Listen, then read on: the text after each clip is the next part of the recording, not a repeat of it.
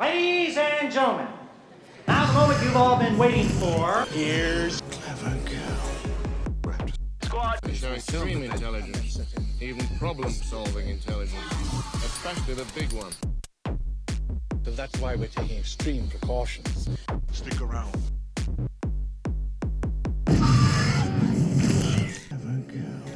Welkom allemaal en welkom bij eh, Clever Go Raptor Squad. We zitten ondertussen aan de elfde aflevering. Yay. Hey. En je ziet het enthousiasme druipt er hier vanaf. Ehm, Oh, bazar. we zitten eh, momenteel eh, met een volle lading Raptors. eh zijn de Bron, Hallo daar. Jonas, Hallo. Donny, You. Stijn. Ja. En we hebben ook terug onze oorlogsspecialist uitgenodigd. En dat is Arne. Oh, bazar, zar. Voilà, ook wel een uh, hevige Pokémon-fanaat, zoals je kan horen. Dus als je van die stemmetjes hoort, uh, het is waarschijnlijk hem. Alright, deze aflevering zullen we het uh, voornamelijk hebben over war. Want het, was, uh, het is onze elfde aflevering en het was van de week 11 november.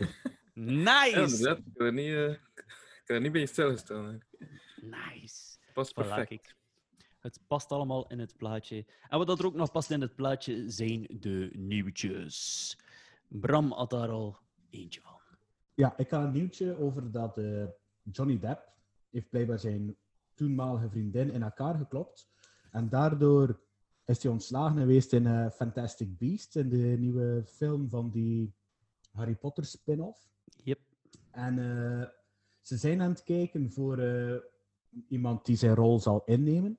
En ik heb gezien dat die, ik ben nu even zijn naam vergeten, maar zijn voornaam is Mats Le Chiffre van in Casino Royale.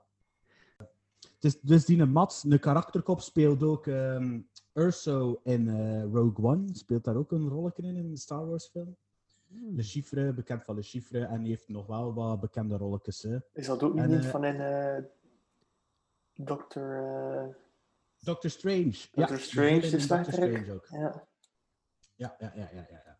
Mats Mikkelsen. Ja. Uiteraard ja, iets met Michael en Son. Doctor Strange, ja. Komt altijd wel goed. Ja. Inderdaad, hij speelt daar ook. Moest ik nu Good Johnson weer zeggen? Good Johnson, ja. Die Michael Mats. nu, ze, ze kijken voor... Uh, dus die Mats, of Mats, of, of Matt, of hoe dat hij ook noemt, uh, wordt bekeken, heeft interesse voor die rol te doen. Nu, er is nog een link. Je weet dat ik ook uitkijk naar uh, de Justice League versie van uh, Snyder, dat hij gaat maken. Blijkbaar, in uh, die Fantastic Beast doet ook uh, Ezra Miller mee, die een acteur. Die speelt zo een van die Gifted Children. Maar die speelt ook mee in de Justice League. Daar speelt hij hem de Flash. En de crew van... Ze zijn momenteel bezig met reshoots van Justice League. En ze zijn ook bezig met de filmen van Fantastic Beasts. Ze zijn daar ook mee bezig. Maar Fantastic Beasts, dat gebeurt in Londen. En de Justice League gebeurt in Amerika. Nu, uh, Snyder kan, mag niet naar Londen vliegen. Dus wat hebben ze gedaan? Ze hebben gewoon een keer wat mailtjes naar elkaar gestuurd. En Ezra Miller heeft wat scènes opgenomen met de crew van Fantastic Beasts. Terwijl dat, Zack Snyder zat te regisseren via Zoom. Een beetje zoals dat wij aan het doen zijn. Dus ik vond dat eigenlijk wel nog vrij kluchtig en fantastisch, weet je. Dus het was geen gigantische scène, het was gewoon een, een kort stukje, een kort fragmentje dat ze nodig hadden. En de mensen van Fantastic Beasts uh, waren daarvoor toe bereid om daarmee aan mee te helpen. Dus eigenlijk chapeau. Mooi. Nice. Je nu en net ook uh, een, een. Uh, onderneming, like die films, vergeleken met onze podcast hier. Oh, samenwerking. nice. Tuurlijk. Tuurlijk. We zijn trouwens blij dat onze Amerikaanse luisteraars uh, de juiste keuze gemaakt hebben van stemmen. Uh, ik wil ja. dat toch nog een keer zeggen. Uh, die heeft blijkbaar toegegeven vandaag dat hij verloren heeft. Zo, so, well done, Americans. Well done. USA, USA, USA.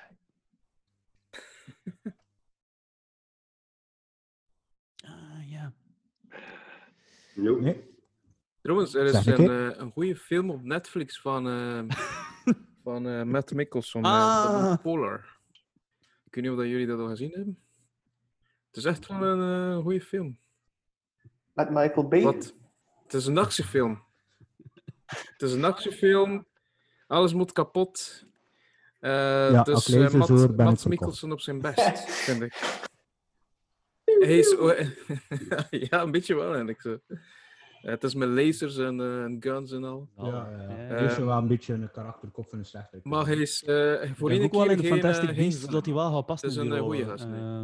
Al, ik vind dat Johnny Depp erop zich, altijd ondanks dat ik echt geen fan van ben, hè, wel eh, een, eh, een fijne rol heeft daarin. Uh, Modine Maat ah, past daar wel nog in, eh, vind ik. Ja, ik zie hem dat ook wel nog goed doen eigenlijk.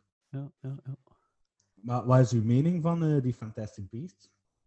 Goh, ehm, ik heb de eerste gezien en echt eh, vond ik hem eigenlijk echt wel goed. Eh allee, het is niet gemakkelijk om een spin-off te maken van een, een serie die zo eh, ja, ho- hoe gekend en gedaan is. Zeker ook niet Mhm. uit dan nog een keer de boeken. allee, dan de boeken er ook nog een keer bij zitten die zo aanwezig zijn wel. Dus ik vind dat ze dat wel goed gedaan in. De tweede ehm, heb ik iets minder aandachtig wel bekeken en ik denk ik ook nog niet helemaal uitgekeken. Ik weet niet of ik dat ook. aan het moment lag. Of was Het misschien, eh, het zal misschien deels van de film te maken hebben, want ik eh, kon er denk ik ook mijn aandacht niet volledig bij houden. Nee, en de ik was ik echt nog mee, maar een tweede, ja, nee. Ik vond, ik vond dat verhaal eigenlijk achter de eerste kon afgesloten worden. Allee, ik had niet echt het gevoel van er moet je nu nog per se in een tweede komen. Allee, ik Ja, ja. ben een beetje bang dat ze het gaan uitmelken. Ik weet eh, zelfs... terechte eh, denk ik. Ik denk dat dat het geval zal zijn. Yep. Ja, ik vond ook zo Natuurlijk, het... Die een acteur, Over Fantastic Beasts. die een acteur is wel een fantastische acteur. Die dat in een Ja. Uh, Scamander heb het Zweden ja, gezien, maar ik weet niet over het wat het gaat. Ja, vrij goed gecast. eh. Speelt ook eh dingen. Stephen Hawking. Ja, Ah, ja, juist. ja die film, ja. In The Theory of Everything. Ja. ja. Een goeie gast, goeie gast. ja, en anders, dat was mijn eh nieuwske voor vandaag. eh. Ah ja. Een tof liedje. Alright. Arnu, hij hield nog een, eh, een nieuwtje. Een special, ging ik zeggen. Ja, ik denk dat, dat de, de, de Amerikanen misschien ehm, een keer het spreekwoord een ezel stoot zich geen twee keer aan dezelfde steen moeten eh, leren kennen. Want ehm, Star Wars gaat blijkbaar in zijn Lego-versie een nieuwe Christmas special uitbrengen. En we all know what happened with the last one. Ehm, de, de fameuze quote: If I had the time and a sledgehammer, I would track down every copy of that show and smash it. Komt van Lucas, wat zodanig slecht was. Maar ja, blijkbaar gaan ze zich er nog eens aan wagen. Maar deze keer met eh, Lego-figuurtjes. Eh, ja. Ja, ja, ja, ja, ja. Ja, was het zo slecht dan? Eh, Legendarisch omdat Chewbacca daar zijn familie ontmoet, zijn Ja. familie daarin. Hè. Ja, echt. En heb nog qua, script is het ook echt niet heel. Ik denk dat er bijna geen verhaallijn in zit. Ook special effects zijn totaal niet vergelijkbaar met de gewone films. Ehm, dat is echt ongelooflijk slecht. Dat hij trouwens ook, ja, dat had een budget van een miljoen of zo. Ehm waarin een 78 misschien wel veel was, maar toch. eh, nee, het schijnt dat het echt afschuwelijk slecht is. Ik heb het En ene keer dat- gezien en ik vond het ook echt niet goed. Ik denk dat Han Solo en al zo liedjes zingen ook en al. Dat Ja, ah, zulke, zulke toestanden zijn. Ja, en dat is toch eh, helemaal gehost door eh, R2 en 3C, eh, C3PO, denk ik ook. Hè? Zo die een oude special. Ja, Zou eh, kunnen, eh, zou kunnen. Maar ja, Maar dat, dat er- bewijst ook dat dat met je gemaakt is, waarschijnlijk voor, vooral voor de kinderen. hè. Eh, en dat ze dat nu ook via Lego doen, verwondert mij eigenlijk wel niet. Het heeft wel één ding opgeleverd, die Holiday Special. Heeft eh, en eigenlijk iets waar dan we misschien lucky voor mogen zijn, want anders zouden we niet kunnen genieten van de Mandalorian. Boba Fett komt er wel voor de eerste keer eh, in voor in die Holiday Special. En eh, het geweer dat de Mandalorian heeft, dus wanneer dat hij zo schiet en eh, ze vaporizen, Mhm. dat geweer draagt hij een Boba Fett ook op dat moment. Dus eh, we hebben toch wel een klein beetje iets te danken aan die afschuwelijke holiday special dat ik, ik als nerd eigenlijk zelf nog niet helemaal kon bekijken. Nee, De cringe was iets te... nee, nee, nee. was iets te veel. Maar goed, ja, voor de mensen die het toch willen zien, blijkbaar eh, krijgt Ray eh, ergens een sleutel die haar naar het verleden kan brengen en doldwaze toestanden kan tegenkomen. En oh ja, het, ziet er op zijn Lego's wel grappig uit met exploderende blokjes, maar ik weet niet of dat echt eh, binge-waardig gaat zijn. Het komt op Netflix trouwens. Mo. Netflix, wat zeg ik nu? Sorry. Ah, oh, Disney. my. Oeh, Disney, Disney Plus. Sorry. Disney. Oeh, Disney Ja. Plus. Oeh. Disney Plus die trouwens vandaag heeft aangekondigd dat ze meer paid subscribers hebben of Netflix. Echt? Ja, Huh? ik dacht 94 miljoen of zoiets. Maar Dat lijkt mij wel straf, eigenlijk. Dat is goed nieuws, want ze gaan meer con- content kunnen maken. Hè, zo. Ja, Of de markt nog meer domineren en naar de kloot helpen. Wie, wie heeft er hier allemaal Disney Plus? Wie, wie? Ah, Dan ja. ook zeker, hè? Dani ook, ja. We gaan kijken. het is, het is 73,7 miljoen subscribers dat is op dit moment en blijkbaar Disney Plus. Dus eh hebben ze vandaag bekendgemaakt. Blijkbaar meer of Netflix. Ik verschoot ook ervan. Eh, Ik denk dat Netflix Ja, misschien voor- wel al veel abonnees verloren eh, doorheen de laatste maanden of jaren, denk ik. Omdat er zowel wat... Allee, er komt wel een beetje slijt heb. hè. Als je zo een heel eind eh, Netflix-abonnee bent, eh je ook wel een beetje gezien. en Zo, hè. Ja, het staat ook veel bagger op. hè. Wat, de, wat het de mensen doen is, als ze wat bu zijn, eh, stoppen ze even een contract of ja, een abonnement. En als er, nieuwe, als er zo nieuwe series komen, Nieuwe hype is. Ja, dan, gaan ze weer- weer, dan gaan ze zo Ah, dus ja, op en af. ja, Ja. Ja. Dat Slim. gebeurt zoveel. Ja, wat- staat er eigenlijk nog op eh, Disney Plus buiten eh, Star Wars related Dus- stuff? Eigenlijk eh, alles wat eh, Disney-klassiekers zijn. Dus zoals Pinocchio en eh Aladdin. Chitty bang bang, chitty chitty bang. eh, alles. Eh, Marvel, al die Herbie. Marvel-films erin. Ah. Behalve Spider-Man, omdat dat van Sony is ook gedeeltelijk. Dus dat, Spider-Man zit er niet tussen. Ehm, alle Star Wars Simpsons? movies zitten erin natuurlijk. De Simpsons. Simpsons zitten, er, zitten erin inderdaad. Wow, dat National National Geographic. Geographic? Ja. Ja. En eh, documentaires van National Geographic inderdaad. Ja, en alle Pixar, Pixar ehm, eh, classics zitten er En ik kan eh, officieel ook bevestigen dat Frozen 1 en Frozen 2 erop staan, dankzij mijn dochter. eh. Een stuk of ik denk dat ik het 30 woord voor woord kan meezeggen op dit moment, maar het is oké. Oh, Let it go. eh. Ja, ik zal het laten gaan, het is goed. Laat het gaan. Staat Bear Grylls er ook op of is dat Discovery? eh, wat De dat is? Discovery. dat- eh. Dat is Discovery, Discovery. Ja. ja. Nou, het zou kunnen dat erop staat, hè? Bear Grylls. I've got a sheep. Here is his raw heart. Oh, there, a dead animal. I can live inside it. it's my new sleeping bag. I'm Die thirsty, drink my own pee. Pee. Als een vrouw een keer iets aangebrand heeft, die net toch doodcontent waarschijnlijk. of nee, ze van ah, aangebrand. Wow, ik ga wel wat warmjes gaan pakken in de tuin. maar die kerel is toch geniaal. Goh. Ja, Ja, E-. Eigenlijk kijk ik er wel vrij her naar. Ja, ik ook, ik ook. Hey, die shows te zien met zo die bekende gasten en zo. Like, ah ja, zijn hoogtepunt wat dan Obama en al. Obama, dat heb ik gezien van Obama. Ja. Ja, ja, Ja, ja, echt zalig. Ja, het was. Met Allee, een stukje een dode zalman zijn gevonden, zeker of zo. En dat dan zitten bakken op een steen. eh. Ja, ja, ja. en ook weer geniaal hoe dat Obama ermee omgaat. En al. Allee, je, je ziet wel dat het zo'n beetje... Allee, dat iets misschien Speel- ietsje speelder gekruister is, is. ja, ja, ja. Maar toch Maar ja. ook dat leuk even te zien. En ik denk met de dingetje daar, ehm, die van Fast and the Furious, Eva Mendes, kan het zijn? Ah, Eh, nee, nee, dat nee, heb ik van, niet eh, gezien. Michelle Rodriguez waarschijnlijk bedoel. Ah nee, Michelle Rodriguez, ja. En dat was ook wel grappig, want het loopt zo'n muizen-app, of het was voor zeer alike, of well, whatever. Ehm, het loopt zo'n muizen-app app de rotsen en dan, ah, een muizen, snok. en toen ze. Hij zei van, ja, ik heb wel iets nodig voor het in te koken. Eh, goh, weet je, anders moet je er hij en eh, in een potje en kun je het koken in je, in je piezen. Voor die extra Want ja, flavor. Ik zou niet wel dat hij mijn pies moet drinken. En blijkbaar was ze zei toch wel bij slechte pis. Zelfs Bear Grylls al gezegd van shit, het is echt slecht. Ja, kijk, iedereen is in de fetish. ja, maar ja, kijk. eh. Ja, kijk. ehm, goed. Dat Ah, was ik heb voor anders de... ook nog een nieuwtje.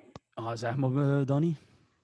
Ehm, ik hoor dat ze een eh, The Fresh Prince of Bel-Air gaan eh, maken, zo'n kleine documentaire ervan. Ik vind het ook wel eh, leuk voor de, allee, voor de mensen die fan zijn ervan. Na 30 jaar, 30 jaar dan een keer samenkomen.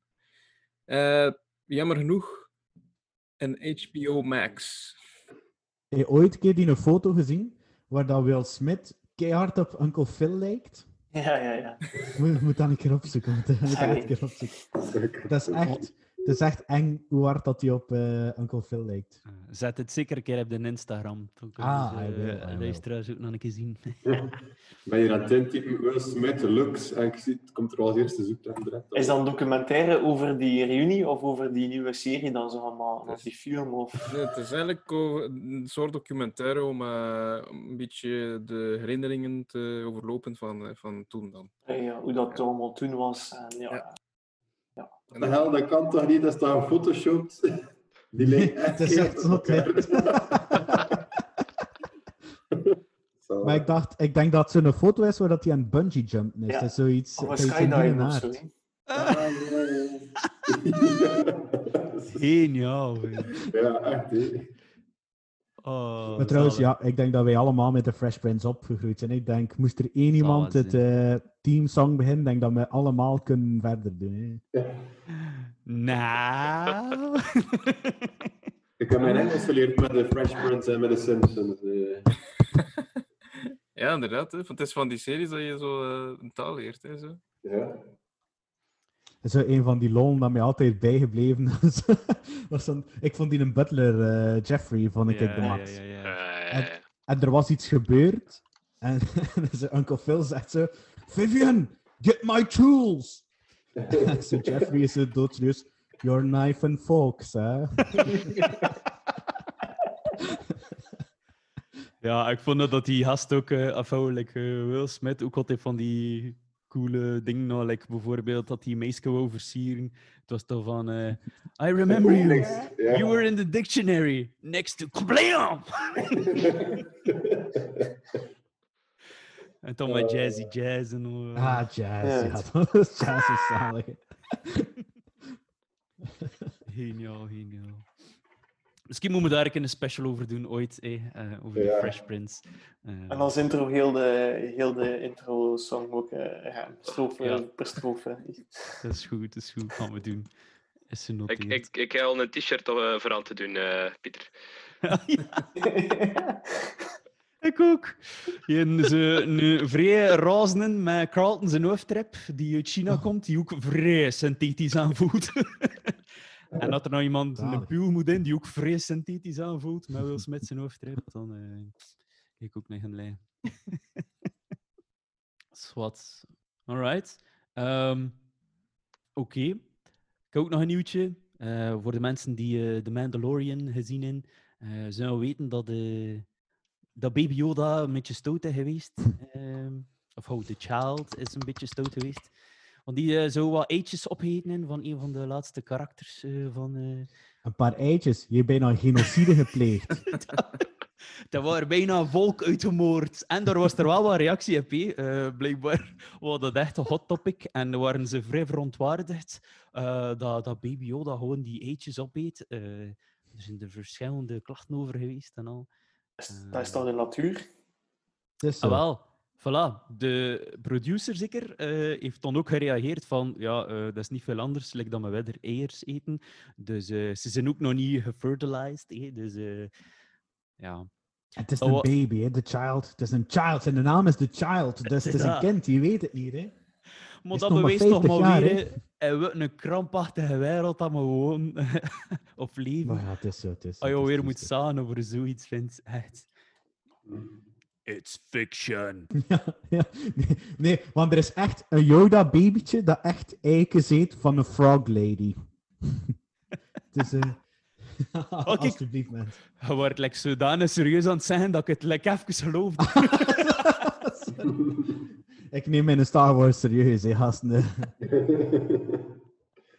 ja, opvallend nieuwtje. Het zijn weer, eh, het zijn weer eh, mensen die op Trump gestemd hebben, die gereageerd hebben waarschijnlijk. Ja, Ja. waarschijnlijk. Ze lopen toch wel met wapen naar de supermarkt. Tukker jobs. Ja, het is wel grappig. Kentucky Fried Chicken! Ja, sorry, Beetje South Park, hè, voor... eh, Arne, ging iets zeggen? Ik ging zeggen, het is, grap, het is grappig wat Funko Pop, eh, blijkbaar een Funko Pop, eh gereleased waarbij dat Baby Yoda bij de eiken staat. Oh! Je ziet ook zo van die memes waarin dat hij zo tegen die bokaal staat en dat is West van ja, me in front of my fridge all the time of zoiets. zo van die za. Ah. Maar hoe geniaal is die een child, hè? Of like, dat iedereen een Baby. Yoda noemt. Ik moet lekker heel dus pezen naar mijn eigen zoon als ik hem zie. eerlijk. Je doet echt veel dezelfde dingen. Eekjes opeten en zo. Ik, Ja, dat nog net niet. Maar, Random de genocide plegen op vrijdagavond. maar geniaal, hè?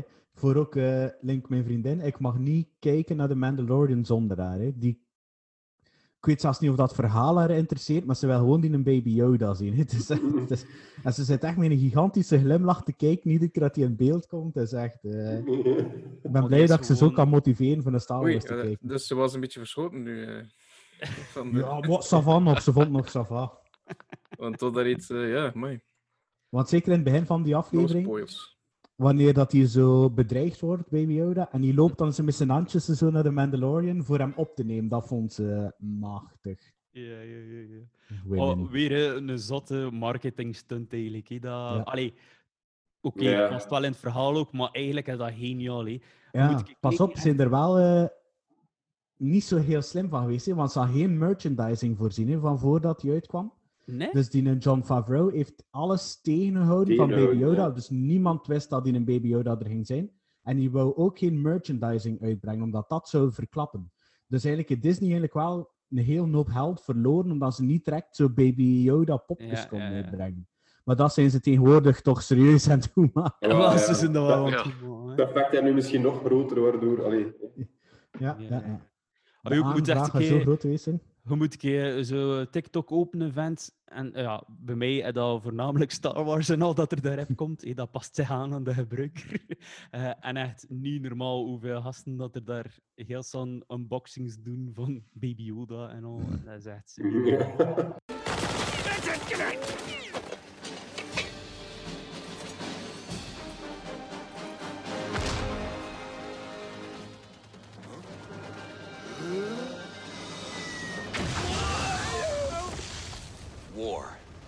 fantastic.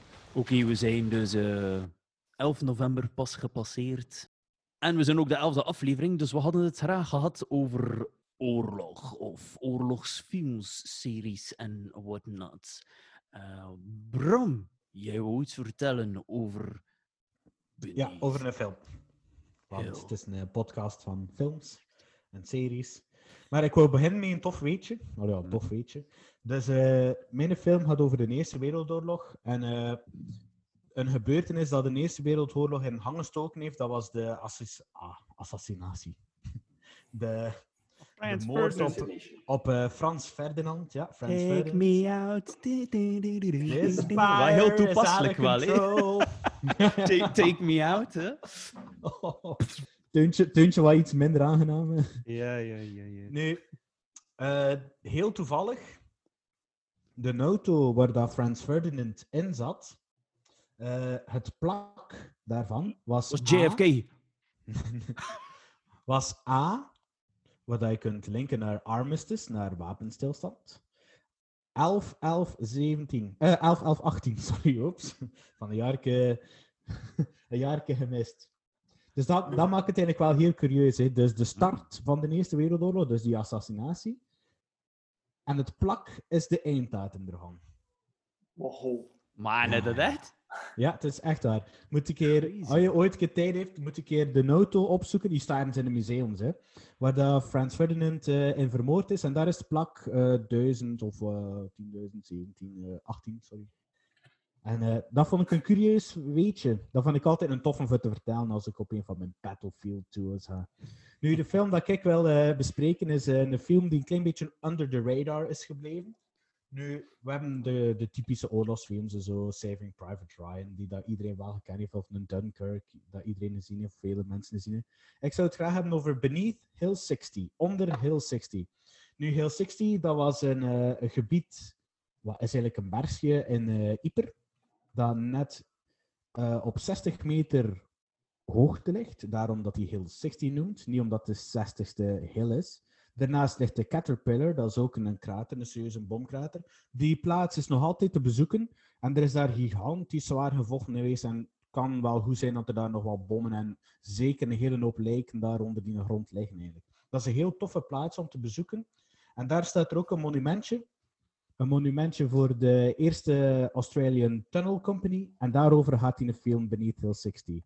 Die film is gemaakt in eh, 2010. Op IMDb krijgt hij voorlopig een eh, 7,1 op 10 scoren, wat dat toch wel vrij Ja. degelijk is. En er doet effectief echt geen ene bekende acteur in mee. Dus de hoofdrol... Dus ik, ik, heb alles, ik, heb, ik heb er een paar uitgepikt, want ik dacht, ik kan gewoon een paar, eh, een paar hasjes uitpikken. De hoofdrol wordt gespeeld door Brandon Cowell. Zeg mij in principe ook niets. En eh, het bekendste rolletje dat hij gespeeld heeft, was een eh, personage in Game of Thrones. Hij was eh, een van de... Wacht, ik heb het opgezocht. Wacht, ik ga hier even naar. Hij ging waarschijnlijk dood. Nee, hij leeft nog. Zijn status staat hier alive. en hij komt voor in season 7. En hij is een, hij is, zijn allegiance is van House Greyjoy. Het is een van de vriendjes van Yara, van die Iron Fleet. Ah, ja, ja, ja. Dus hem is een van die gasten die daarin meespeelt. En nog heel grappig eigenlijk ook, doet ook, heeft ook een mini-rolletje in The Current War, die de film dat we gezien hebben. Mo. En speelt daar een conference eh, soldier. En ik vermoed dat daar dan, want die eh, gast dat Michael Shannon speelt, Mhm. heeft zo heel tijd flashbacks, hè, dat hij zo'n soldaat ontmoet. Dan gaat die een soldaat geweest zijn. Moest je je dan nog min of meer herinneren. Nu ja, eh, Beneath Hill 60. Beneath Hill 60 had een budget van ongeveer 5,8 miljoen dollar. Heeft maar 3,5 miljoen dollar opgeleverd en is eigenlijk wel echt wel onterecht. Hugo Weaving was geïnteresseerd in de rol te spelen van eh, de hoofdrol, Oliver Woodward, die een captain. Maar hij was zeer geïnteresseerd, maar hij, hij is claustrofobisch en hij durfde niet in de tunnels te gaan.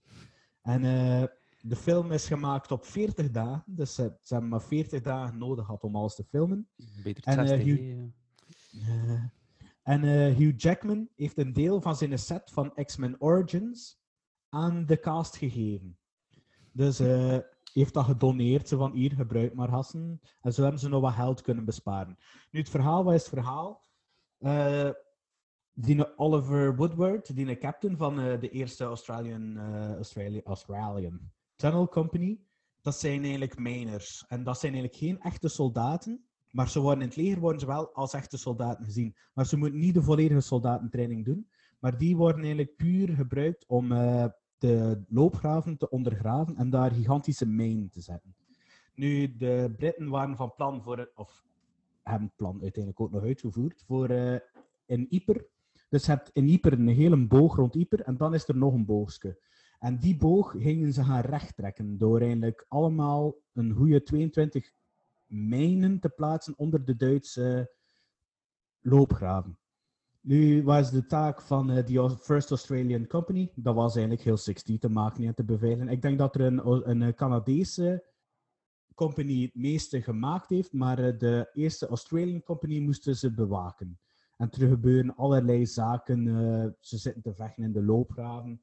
Er, is, wordt eh, in, de, in de mijnen, eigenlijk onder de grond, wordt er ook gevochten met Duitsers. En dat is eigenlijk echt wel een schoon... Het is een schoon verhaaltje. Het is... Wat ik, allee, ik ben maar een beperkte kenner naar, normaal gezien, maar ik heb weinig foutjes ontdekt eigenlijk. Zo van tenuutjes of zo. Eigenlijk is dat allemaal goed gemaakt en het verhaal klopt eigenlijk ook helemaal. Het is echt een schone aanrader, kan ik u eigenlijk echt zeggen. Alle. Ja, een keer moet zien. Het lijkt mij ook nog Ja. niet zo evident om, om zo die scènes onder de grond te doen, dan ook nog met zo'n beperkt budget. eh. Nee, nee, nee. Hij krijgt soms echt wel zo een zeer claustrofobisch gevoel als ze daar zo gewoon in die tunneltjes met twee man zitten en hoort zo het getik van, eh, van een schop van de Duitser. Dat je weet, de Duitser is daar ook aan het. En dat is echt wel... Dus eh, echt- ze elkaar bekend tegen op hetzelfde, ja, ze komen op sommige momenten komen ze elkaar tegen, eigenlijk. En eh, wat dat dan een truc was, van alle tweede kanten eigenlijk. Want die miners, dat is zo'n echte eh, brotherhood. Hè. Wanneer dat ze dan een, een, eh, een fuseetje, een bommetje plaatsen voor die een tunnel op te blazen, dan de, e- in eerste instantie willen ze de man gaan helpen. Hè. Dus van uw eigen compagnie. Dus wanneer dat er iets ontploft, gaan er andere miners direct gaan. Dus wat deden ze? De Duitsers of de Britten, ja, ze wachten gewoon even, want ze weten, die miners gaan elkaar toch komen redden. Dus ze wachten gewoon even af en ze steken daar nog wat explosietjes voor de rest ook eh, op te blazen. Dus dat zijn wel dingen die ook onder de grond gebeuren. Want veel mensen weten dat eigenlijk niet. Eh, in de Eerste Wereldoorlog is er heel veel tunnels gegraven geweest. Er zitten er heel veel mijnen ontploft. Ik denk in Yper hebben ze dan in die streek, hebben ze tegelijkertijd op 7 juni 1917, hebben ze 19 mijnen tegelijkertijd laten opblazen. Dat was dan een offensief dat in principe eerst de, de Eigenlijk moest dat de eerste slag van Passendalen worden, maar er waren wel logistieke problemen, dus ze hebben dat dan een paar maanden moeten uitstellen. Dus ze hebben 19 mijnen opgeblazen en die kraters, veel van die kraters kunnen nog altijd gaan bezoeken in Yper. Bijvoorbeeld Hill 60 is nog altijd open voor het publiek. En eh, ah, ah, Jonas en uh, Steinhouder zijn er normaal gezien gepasseerd van de week. Hill 62 hebben we gepasseerd. Ja, maar zij, normaal gezien zijn ook langs Hill 60 gereden, maar had het moeilijk gezien. Hè. Want dat was voor de kasseistrook in uh, de Palingbeek. Ah. Want in de Palingbeek liggen er ook een heel hoop kraters uh, dan uh, In het, opgeblazen. in het park zelf dan. In het park daar, ja. ja, ja. Ja. En dat is eigenlijk voor alle mensen die een keer luisteren en een keer naar Yper gaan, zoek zeker een keer al die kraters op. Niet alle kraters zijn die een tijd ontploft geweest. Er is eentje dat niet ontploft geweest is in, uh, ergens in Ploegsteert. Maar de bliksem is er in de jaren 50 een keer ingeslaan. En er is een koetje ontploft. Uh, rest in peace, Bella.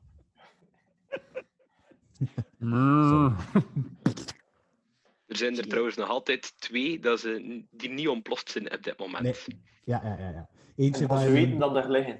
Ze weten ze liggen. Ja, ze weten maar ze, ja. Ze dus zeggen buizen die daar liggen, ja.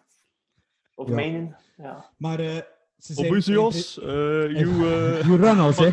uh, tun tunnelos, you uh, graf en tunnel. Maar in principe zijn die mijnen niet echt gevaarlijk, omdat die effectief een, uh, een elektrisch signaal nodig hebben voor te ontsteken. Die hebben echt een ontsteeksignaal nodig. Die obussen kunnen in principe nog altijd, als je met een hamer opklopt, kunnen die in principe nog altijd uh, vrij gevaarlijk zijn. Zeker dat ze van die fosfor, uh, fosfor dingen zijn. Ja, dat was mijn film uh, dat ik zeker iedereen een keer aanraad.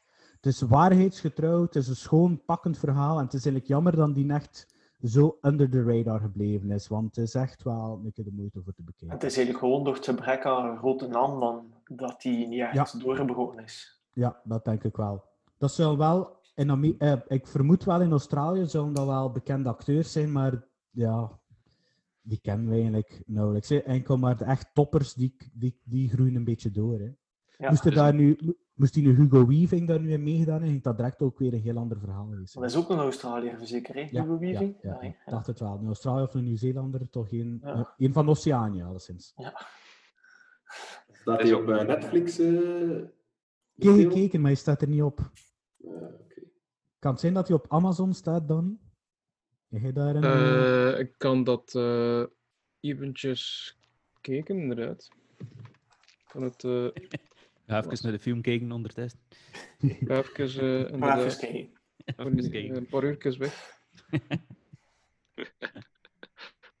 Het is, het is inderdaad een vrij schone film, Bram. Mo, ik heb hem ook al gezien en het is inderdaad een van de betere dat ik al gezien heb. Maar ik denk Ja. gewoon dat hij iets te waarheidsgetrouw is voor de, de gemiddelde Amerikaan voor dat te liken, bijvoorbeeld. Ja, er zit ja, ook geen ja. love story in of, Ah, of voilà. En ja, er zit ook niks Amerikaans in. Het is echt puur gefocust op die, die Australiërs. Dus voor een Ja, Amerikaan ja. is dat direct alweer eh, ja, dat is zo waar, dat is waar, dat interessant. is waar. Ja. Dat is waar, dat is waar. Er zit ook een klein, zit een klein liefdesverhaal in, maar het is een beetje creepy, hè, want je is zo verliefd op een eh, minderjarig meisje. En ja, dat is ook weer... ah. damn Australians.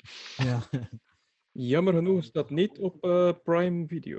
ook niet op Prime. Ah. Ik ging zeggen, dat was ooit eh, een eiland zeker waar alle criminelen naartoe... ge- Ah, ja, ja, ja, ja. Australië. Dus als je blanke daar, eh, Australiërs zien, als je blanke Australiërs ziet, dat waren sowieso criminelen van het Britse Rijk hè, van vroeger. Crazy. Daarom dat eh, Nick Cave zijn groep eh, de Bad Seeds heet, nee? De, de slechte zaadjes. Oh, Ja, een vat vol weetjes hier. dat is eh, niet normaal.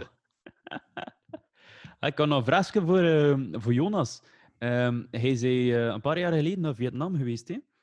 Ja. Oh, me- als ik- me goed herinner, zei hij ook ehm, samen met je broer in, in die eh, tunnels geweest, hè, of niet? Ja, ja, ja. Ja, Ehm, ja want inderdaad, in die oorlog is er ook veel in de, allee, onder de grond gevochten geweest. Hè, Ja. eh, door de Vietcong. En ehm, ik ben erin geweest, ja, maar gewoon een keer in, in een manhole geweest en zo door de eerste... ja, die Vietnamezen doen dat zo, hè. Een manhole. Bij they do. oh, Sam, you're so big! Oh, man, hoor. Oh, sorry, De sorry. great man sorry. holy, oh. Ja. sorry, sorry, sorry, sorry. Ja, die as noemen dat zo, hè. Dus, eh, en, ehm, ja, dus, dus eh, ik heb dan gewoon het eerste deel gedaan, de, de toeristenstuk, zo gezegd, waar dat je eigenlijk nog kon in, eh, bijna in recht staan. En dan ging dat eh, steeds kleiner en kleiner. Ehm, Ja. Maar ze duwden ons daar zo met 30 man tegelijkertijd in. En eh, de helft begon al hysterisch te worden. Dus ik denk dat er maar een stuk of vijf van de 30 dan effectief verder en verder gaan zijn. En Sarah zat erbij. En zij was de laatste die overbleef. Zij is echt tot, tot het voorlaatste... En ze, en ze tot de dood gaan. Nee, nee, nee. Maar, dus het ging nauwer en nauwer. En om de zoveel tijd kon je via een mijnhole terug naar boven. eh, en ehm, ja, zij is als laatste overgebleven tot het voorlaatste, smalste tunnel is gegaan. Amai. Dus als je, echt, als je echt door het smalste gaat, eh, ik weet niet of dat wij als Europeaan daardoor geraken. Want, eh, Ik zou alvast Vietnamezen zitten bij zijn- het eerste. Ja, voilà. Die, die Vietnamezen zijn eh, veel kleiner en, en maarder. Dus, en dat was, dat is echt juist gepast voor die man om daar door te kruipen. Dus, Ga dat is zot, hè. ja, dat is Dat is echt creepy. ja, crazy. En dan zit dat zo aan het kruipen door die tunnels en hier en daar ligt dan een Vietnamees. You are okay, you are okay. dat, dat is die gast zijn werk, niet heel dag in die tunnel liggen en daar uh, tegen iedereen zeggen, "Zeg, oké." Ah, het, zijn, het zijn niet die van in de oorlog die er nog lijnen. Nee, nee, nee, nee. Het begon een beetje, denk ik, dat, hè. Ja, UVC, UVC. Ja. Ah. nee, kijk, wat ik benieuwd hoe dat de ervaring was. eh lijkt mij inderdaad heel benauwend. eh. Ja. Trouwens, in, eh, in Arras kun je ook tunnels gaan bezoeken. eh. en eh, ik denk dat dat Carrière Wellington noemt. En je moet eigenlijk zo'n Aalman doen voor de veiligheid, maar ze hebben ze zo in een, een Britse soldatenhoed gemaakt, die beveiliging. Dat, dat is echt wel nog wijs. Cool. En in, eh in Vimy zijn er ook tunnels die je kunt bezoeken. Maar dat zijn wel steengroeves, dus die tunnels zijn niet... eh allee, het zijn wel steengroeves. Maar we een keer met een paar er een keer eh, een dugout gaan bezoeken, hè? Ja. Daar in Passendalen. Ja, ja, ja. dus dat was ook ja. al zo'n beetje... Maar daar, daar kon je ook gemakkelijk in recht staan en zo. Hè. Dat was redelijk Ja, die hè. wel nog, die wel nog. Was dieren onder de kerk, hè, of bij de kerk. hè? Ja, ja, ja, ja, ja, ja, Dat was inderdaad nog een redelijk ruim. Dat was nog een groot, hè. Ja, ja. Maar ja, als je dat weet, dan staan er zoveel man op ja, de dat, wel, hè. eh, dat, is, dat is benauwelijk. Hè. Ja, Maar dat waren nog niet en- echte tunnels. eh. En in die weeromstandigheden van toen in de winter, ga je toch mee mensen, zoveel mensen erin moet leven en overleven. Dan, eh, En het is niet dat er een deo mee, hoor. ik wa- ik was ook aan het pezen, er een beetje stinken. Maar ja, in de winter moet dat nog meevallen. hè. Als die kleren helemaal bevroren zijn, zijn al de bacteriën ook dood. Hè, in principe. So are their toes. Ja. Oh. Maar goed, dat was eh, een Eerste Wereldoorlog verhaaltje. in 1970. Trouwens, nog een vrij schoon verhaaltje. Ja, schoon. Het is geen schoon verhaal. Het is eh, vrij gruwelijk eigenlijk. Hè. En je hebt een van de kraters in, dat je in de buurt van Yper kunt bezoeken, is, noemen ze tegenwoordig de Pool of Peace. Dat is de Spanbroek Molen krater. En daar vlakbij ligt er een, eh, een begraafplaatsje. En al die mannen, het is een Iers regiment, al die mannen zijn op dezelfde dag gestorven. En eh, het probleem kwam, dus de, al die 19 mijnen werden tegelijkertijd opgeblazen, maar die spanbroekmolenkrater was ja, een paar secondetjes later. En ze hoorden allerlei ontploffing en ze zeggen, kom, we moeten avancen, we moeten vooruit gaan. En ze zijn eigenlijk ook allemaal opgeblazen geweest met, eh, met die krater. Dat is ook aan uh, een spijtige. Wel schoon begraafplaats en een schone krater ook om te zien in een pool of peace. Zeker doen. Alright. Alle daarheen. Nu gratis een kortingsbon eh, bij CRS. eh, nee, nee hoor. En ik wil u een persoonlijke rondleiding doen. Geef maar een mailje, ik maak wel een prijsje.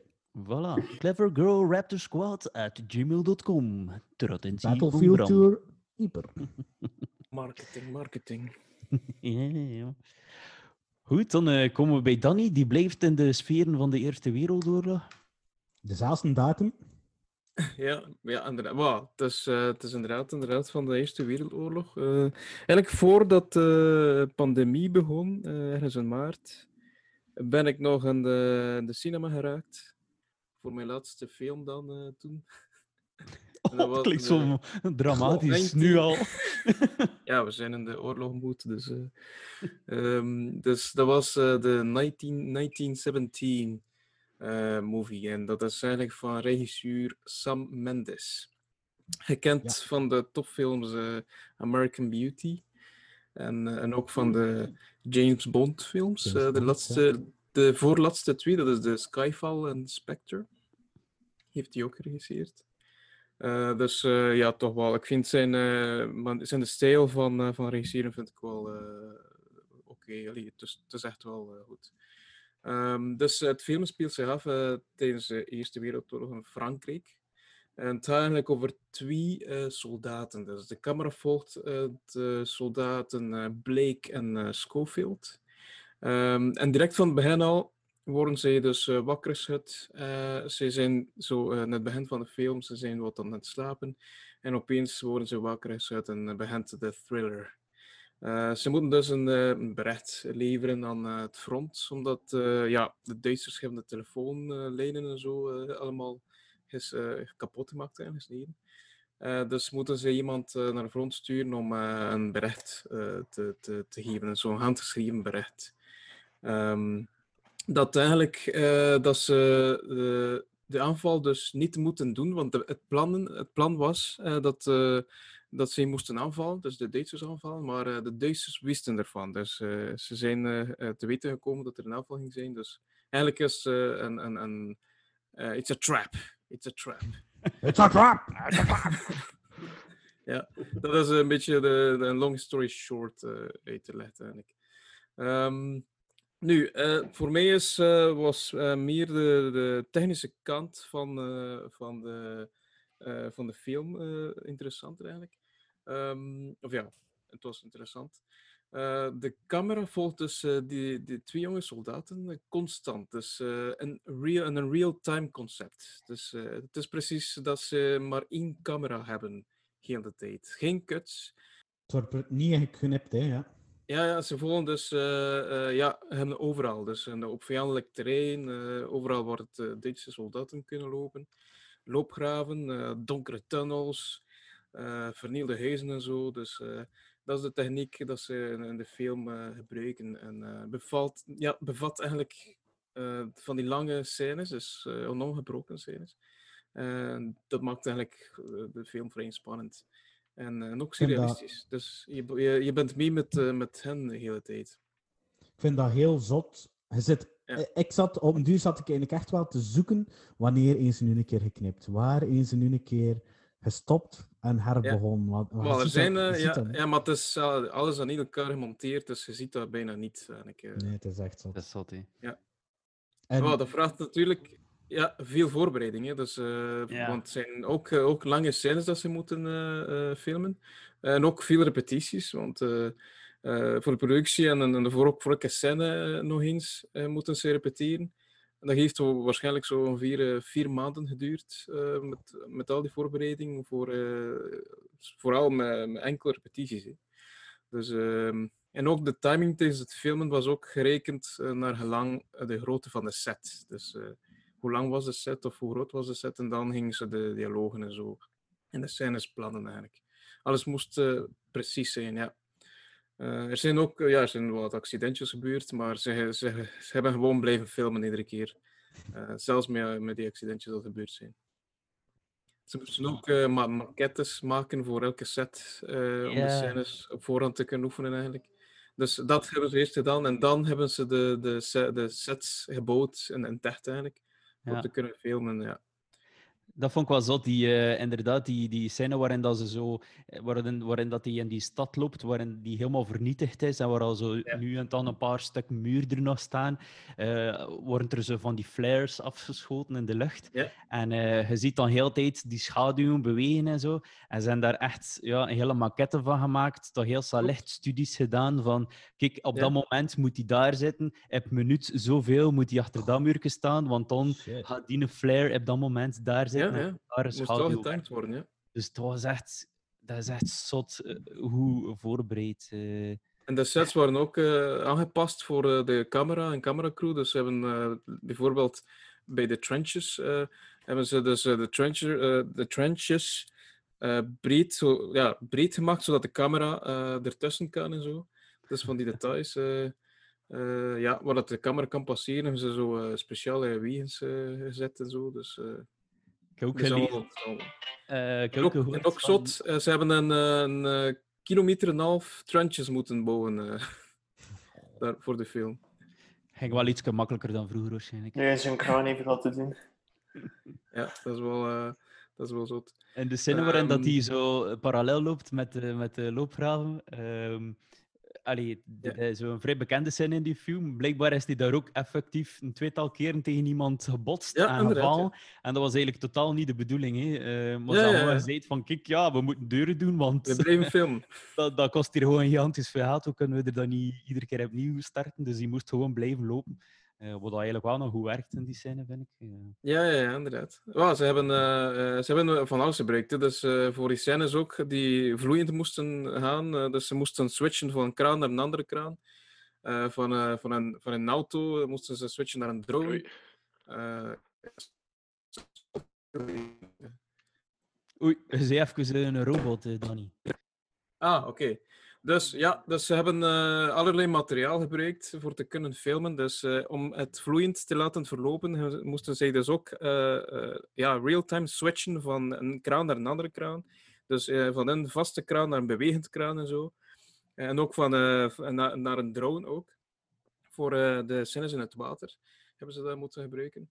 Dus eh, er was ook eh, timing nodig daarvoor. En eh, het zijn ook de, de cameracrew was ook verkleed als soldaten. Zodat ze, zouden ze in het beeld komen, is het van, zijn ze ook soldaten. Dus zijn ze ook, dat is wel tof om te weten. Ja, Eh, ja dat is, dat is het, ja, de camera's zijn ook speciale camera's dat ze zo 360 graden kunnen, kunnen draaien. Wat dat, dat ze speciale ja, constructies hebben gebouwd daarvoor, voor, eh, voor één persoon die dat kan, dat dat kan bedienen. Ehm, dus eh, qua techniek waren ze echt wel eh, op voorbereid eigenlijk, ja. En het zijn ook, er zijn ook veel eh, bekende acteurs die eh, cameo's eh eh, Ja, doen. Cumberbatch. Ja, Cumberbatch. Eén daarvan inderdaad zit, er- zit hij ook tussen, ja. ja. Het is echt wel een... eh, technisch is dat wel echt een, een, een, een soort film. En het verhaal vind ik ook... eh, het is echt spannend. Eh, als je zo heel de tijd achter die, die, die mannen zit, is echt wel... eh, en realistisch ook. Vrij, vrij realistisch. eh, direct Wat ik, eh, ja. spoiler alert voor de mensen die hem nog niet gezien hebben, even 30 seconden niet luisteren. eh. Dat, dat er een van, die, een van die gasten gaat er dan dood op een bepaald moment. Ja, En eh, vind dat zot hoe dat hij dan zo. Allee, ik weet dat ze dat nu gemakkelijk met die fatale effecten kunnen doen. Maar hoe dat hij zo lichtjes aan bleker en bleker bent worden wanneer dat Ja, hij zo leegbloedt. Zo. Dat vond ik echt. Een, ik werd er zelf een beetje onpasselijk van toen ik dat zag. Dus, eh, Ja, ja, het is echt vond wel- je echt goed eh, gedaan. Ja. vond dat echt goed gedaan. Het is echt wel eh, zot gedaan, ja, ja. En, Het is de goed. De sterkte ook. eh, ik vind ook de sterkte van die film is dat je, dat je, ah ja, je zit continu bij die gasten, dus je wordt ook echt letterlijk in dat verhaal meegezogen eigenlijk. Hè. Ja, Eh, ja. Ik denk dat dat de grote appeal is. En inderdaad, het zijn twee ja, no- sympathieke gasten waar je wel allee, we zijn benieuwd hè, of dat ze het gaan halen, eh, dan zal de missie gaan slagen of niet. Eh, dus ik vind wel, ondanks dat het eigenlijk een, een vrij simpel verhaal is, vind ik het wel eh, een vrij goede film eigenlijk. hè. Ja. Maar ze gaan wel een eh ferme budget eigenlijk. Dat was, eh, ik denk dat het 95 miljoen was dat ze, dat ze beschikbaar hadden. En ze hebben 300 miljoen of zoiets eh binnengekregen van teruggekregen eigenlijk. Hoe boert hè? Dus eh Dat wij een. DVD hier hebben. Ik kan er wel nog een keer eh, een filmpje mee maken. Dus ik heb de cinema gezien, maar dan eh, ik heb ook een tweede keer gezien. Dus eh, ik vond de tweede keer ook. eh, eh, ik heb ook voor anderen thuis gezocht, zo en inderdaad. Ik heb er ook van genoten van eh, de tweede keer te zien. Een dingetje dat ik raar vond, zo, had het over die running scene.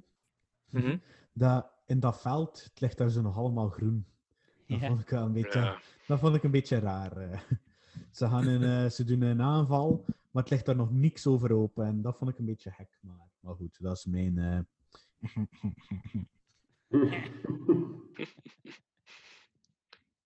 maar voor de rest had ik eigenlijk ook geen eh probleem met kostuums of zo. eh, dat viel ook wel nog allemaal goed mee.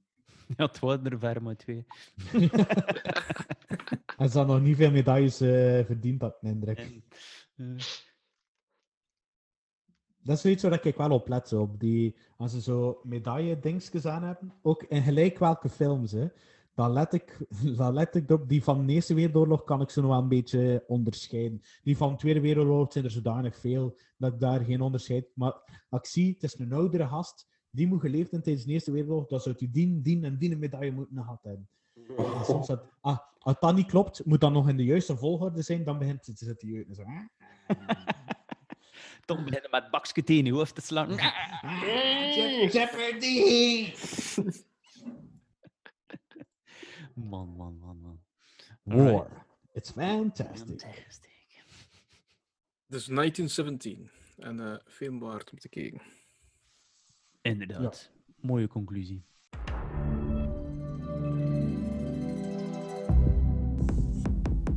Henderson! Henderson! He's back! He's back! I'm back! You got the job! You got the job! There's always hope tomorrow will be taco night. Tomorrow's beef and noodles. Ja, dan eh, bij het volgende hebben we een eh, nieuwe Netflix-serie waarin eh, Jonas alles weet. Oela. Eh, Alles, hè? Alles, hè? Tot in de letter. Ai, ai, ai. Ehm, ja, eh, The Liberator, eh, dat is een eh, Amerikaanse animated miniserie van eh, vier afleveringen op Netflix. Eh, speelt zich af in de Tweede Wereldoorlog. Het gaat eigenlijk over ehm, een Amerikaanse officier, Felix Sparks, eh, en zijn unit, eh, dat ze volgen door de Tweede Wereldoorlog. Ehm, en eigenlijk in die vier korte afleveringen proberen ze een beetje de 500 dagen dat hij in battle is, eh, weer te geven. En die 500 dagen, dat is dus ja, redelijk extreem. Hè. Ehm, en het is dan de director is uh, Gregor Jungianchis of zoiets. Jaksjemaas! Jaksjemaas. Dat is nooit van gehoord. Ook niet zo zotte referenties of zo. Ehm, het is eigenlijk meer een visual effects artist. En eh, dat kun je ook goed zien aan die miniserie, want het is eh, animated met eh, een nieuwe soort technologie. Dus de serie is eigenlijk echt opgenomen, dus met echt beelden. Dus, dus- echt, eh, ze doen alles.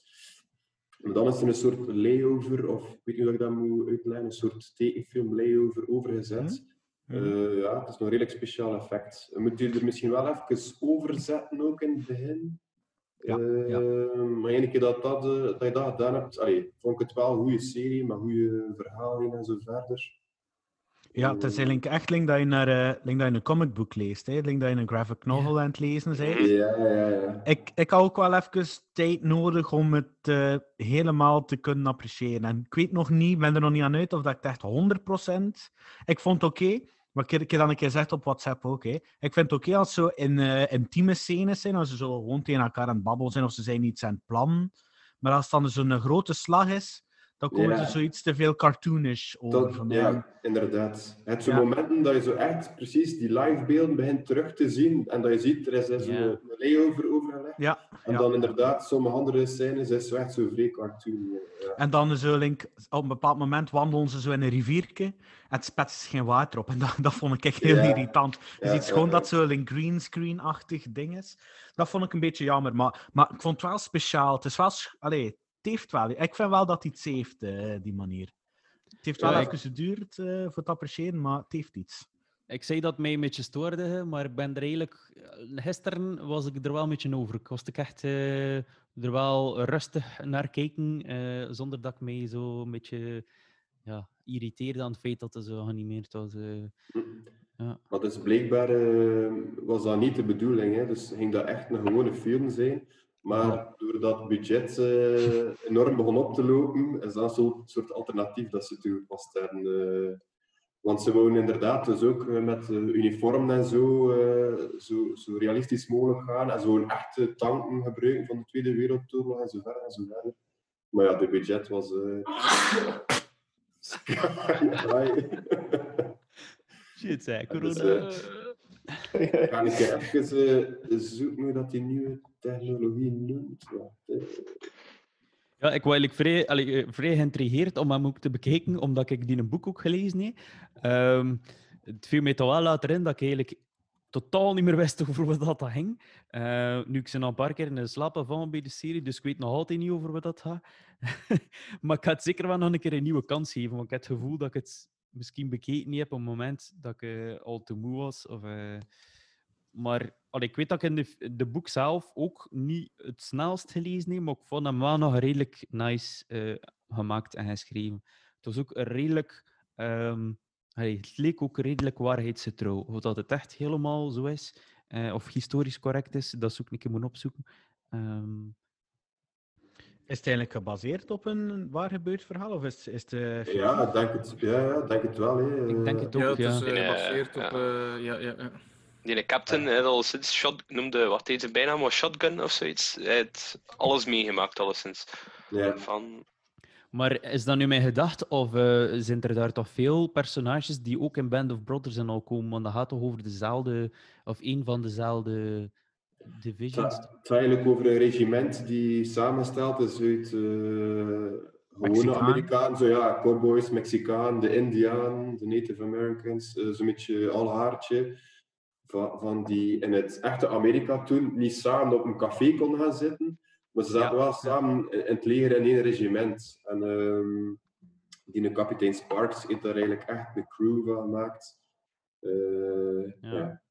Want in Sparks, dat toch ook die een crazy captain van een eh, Band of Brothers? Of, of is dat een niet, het zou een andere zijn. Of hoe noemt die kerel? Eh, Spears. ja. Spears. Spears. Mooi, ja. ja, captain. Lieutenant Spears. Ja, sorry, dat was volledig mis ingeschat. Nu heet hij sigaretten van aannemen, trouwens. eh. Nee. Eh, wat ik ook toch vond aan die serie, eh, was dat, ehm, dat ze niet de meest bekende veldslagen of zo gepakt hebben vanuit de Tweede Wereldoorlog. Eh, want als de Tweede Wereldoorlog zegt, eh, ja, slag van de, of de landing in Normandië, hup, of eh, het Ardennen-offensief of zoiets, dat hebben ze allemaal omzeild. Eh, en het waren dus veldslagen dat ik nog nooit van gehoord had of gezien had. eh. Ja, maar hoe ik zijn dat dat regiment, dat dat regiment daar Ja, die, dat parcours gevolgd heeft. Hè, ja. Ja, ja. Maar daarom niet minder belangrijk was in de oorlog, hè, dat regiment. Dus, Ik had toch ook wel wat Band of Brothers vibes met die laatste aflevering, zo wanneer dan ze dan een concentratiekamp vinden. Ja, de laatste is- aflevering vond ik vrij goed. eh. Ja, Ik ga langs ook nog een keer. ehm, kijk, ik ben net een keer aan het opzoeken. eh, ik weet niet of dat de Harlem Hell, Hellfighters jullie iets zegt. Eh, Ja, in de Eerste hele- Wereldoorlog. Eerste Wereldoorlog. Ja. Ja. Bestaat er en ook een heel- Amerikaans regiment. Negroes. Nee, ja, ja. Ik niet zeggen. Oh ja, kijk, inderdaad. Eh, bestaat er ook een hele mooie graphic novel van, van eh, Max Brooks. Dus eh, moest je moet dat maar een keer opzoeken. The Harlem Hellfighters. En eh, zo ehm, die graphic novel. Het is echt wel een schoon, een schoon boekje. Die aan heel verschoten toen aan het Franse leger, waar daar ze vrij open-minded over, hè, om, om Mhm. vreemdelingen en al erin denkt dan. Ze hadden er vrij van verschoten. Want toen waren dat, nou, toen waren dat nog slaven. wie, wie had er precies van verschoten? de, allee, de, de black community van... eh, toen waren dat nog slaven en outlaws eigenlijk. Hè, en, eh, Ja, ja. en ze werden nog niet echt als mensen gezien, hè, maar in het Franse leger werden ze gewoon geaccepteerd als er zo'n divisie bij, bij Fransen zaten. Wat, wat dat allemaal heel normaal. Terwijl dan de echte Amerikanen daar altijd zo nog wel laagdunkend naar keken. Naar die... Frankrijk had ook nog wat kolonies in Marokko en Tunesië en ze hadden ook vrij veel in Eren daarvan. hè. Nee. De Senegalezen waren zeer, zeer, zeer, ehm, moet ik zeggen, waren een beetje de Canadezen voor de Britten. hè. De Canadezen hebben er ook bewezen tegenover de Britten. Dat hebben de Senegalezen eigenlijk ook gedaan tegenover de Fransen in de Eerste Wereldoorlog eigenlijk. Ja. Is dat ook niet in, in Flyboys? eh, is dat ook niet zo dat er eh, allee, een zwarte piloot tussen zit die eigenlijk niet mag eh, met de Amerikanen mee of met de Britten mee mag vliegen, maar wel dan bij de Fransen? En dat ze daar zo'n klopt. omweg kan gevonden? Ja, ja, ja. Er eigenlijk allemaal zien, de Liberator? ja, ik een stuk of drie aflevering, maar ik zei het, ik ben een paar keer eh, weg geweest. Ik ben aan de tweede aflevering. Dus de derde eigenlijk. Ik moet aan de derde beginnen. Maar het is een miniserie, het zijn maar vier afleveringen Vier van afleveringen, 45 ja. minuutjes en zo. Dus, en het is ja. afgerond, het verhaal. Dus. Ja. Ik vond het wel iets hebben. Ik vind het echt een, een grote meerwaarde wanneer dat er eh, afgesloten wordt. Allee, waarin dat je zoiets zet van, oké, eh, zes afleveringen en dat gedaan. Dat is ook Ja. de sterkte van Chernobyl bijvoorbeeld. Nu ja, het kost er ook wel niet veel meer om uit te weten, denk ik dan. Eh, 20 jaar later. 20 jaar later, eh, nog een bommetje. Hey. Nee. ehm, een Wat, wat, wat was dat eh, zinnetje weer in Chernobyl? Het zo- War, die it's fantastic. Nee, nee, het is zo. oh, only small. eh allee, het ziet toch. Dat ze- dat geen groot probleem was. eh allee, godverdomme. Not bad of zo. Eh, Maar kijk, Bram, moest je het uit de bin schieten? Laat het zeker weten. Not great. So, it's not terrible, it's not great. Ja, het is zoiets, hè. Anyway, anyway, we doen verder. Ik denk dat het zoiets is. Alright. Hoeveel eh, ratings, eh, sterretjes zou je het geven, eh, Jonas? Weet je al heel uitgekeken nu?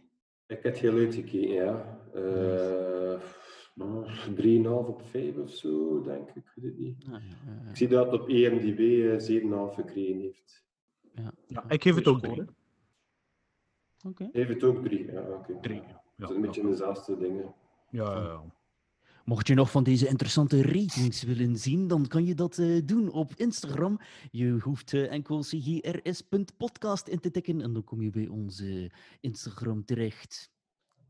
Kun je onze reten zien? They are nice and juicy and hairy. Meat straight off the bone. Chili chili baby ribs. Get into my belly. Ah, belly! Ja, ja, ja. Aku ita baby. Wee little fingers. Trouwens, een kleine update voor de mensen die nu luisteren. De Belgen hebben dus gehoord, eh, trouwens. eh. Ah. Een paar minuten. is al bezig. Ja, Ja, ja. ja, ja. Ja, eh, ook heel interessant update, eh, Bram. Eh, aangezien dat de mensen eh, de uitslag al eh, twee dagen kennen. maar toch bedankt, zo blijven wij ook op de hoogte. Het is voor te plaatsen in tijd hè, waar dat maar ergens zijn. Het is waar, het is waar. Zondagavond om eh 9 uur ondertussen. Jepla. Twee voor Mooi, negen bij mij. Ja, een, een andere tijdzone hè, in uh, Wondelhem. Zijn wij een beetje achter, hè? Dus dat... Ah, Helder zit een beetje voor ons hier in, eh in ehm, hits, eh, Arne. Dat is hier al tien uur s'avonds. eh. Ah, ja, ja. Oké, nice, nice. Hits, hits. Hits, hits, Ja, ja, ja. Het. Ja. Met die, Nee, nee, hij hoogleden. Het. Hoogleden. Ah, dat is een beetje de... de Ja, de- ja, ja. Ah, dat is een beetje de Wervik, um, Helwe, weten, moet dan een... Ja, zoiets, ja.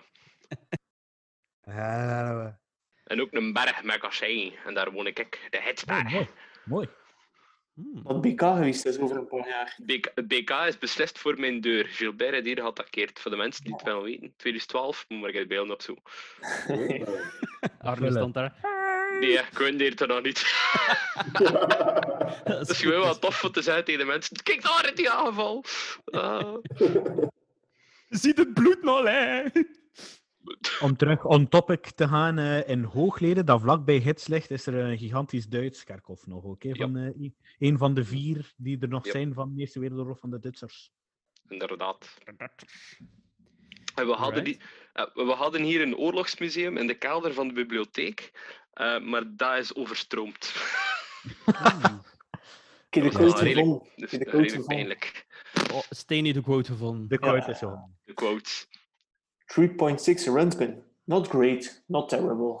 Not terrible, ja, ja. Eh, Great. Yes. Not terrible. Het could be better. Maar de meter ging maar op drie en zoveel, zeker. Ja, ja, ja. Ja, ja, ja.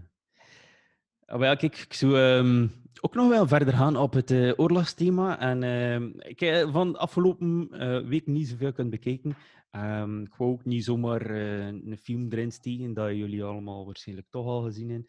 Eh, maar ik had wel een keer een vraag eh, die mij, in mij opkwam.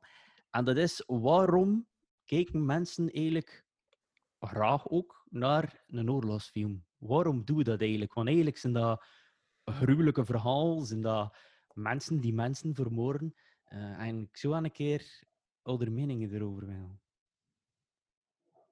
Ik denk dat iedereen wel graag een verhaal van helden ziet. Ja, en Ja. eh, Het is vooral ook nieuwsgierigheid, denk ik. Nieuwsgierigheid Ja. van wat er gebeurd is, hoe dat gebeurd is, eh, hoe, hoe hebben ze dat meegemaakt. En, Beetje het Ja. historische aspect. Ja, Dan, eh, het historisch. Ja. Ja. het is vooral ook aan de Amerikaanse kant eh, het verhaal van het patrio- patrionisme, vooral dat in Amerika ook wel vrij sterk altijd aanwezig is.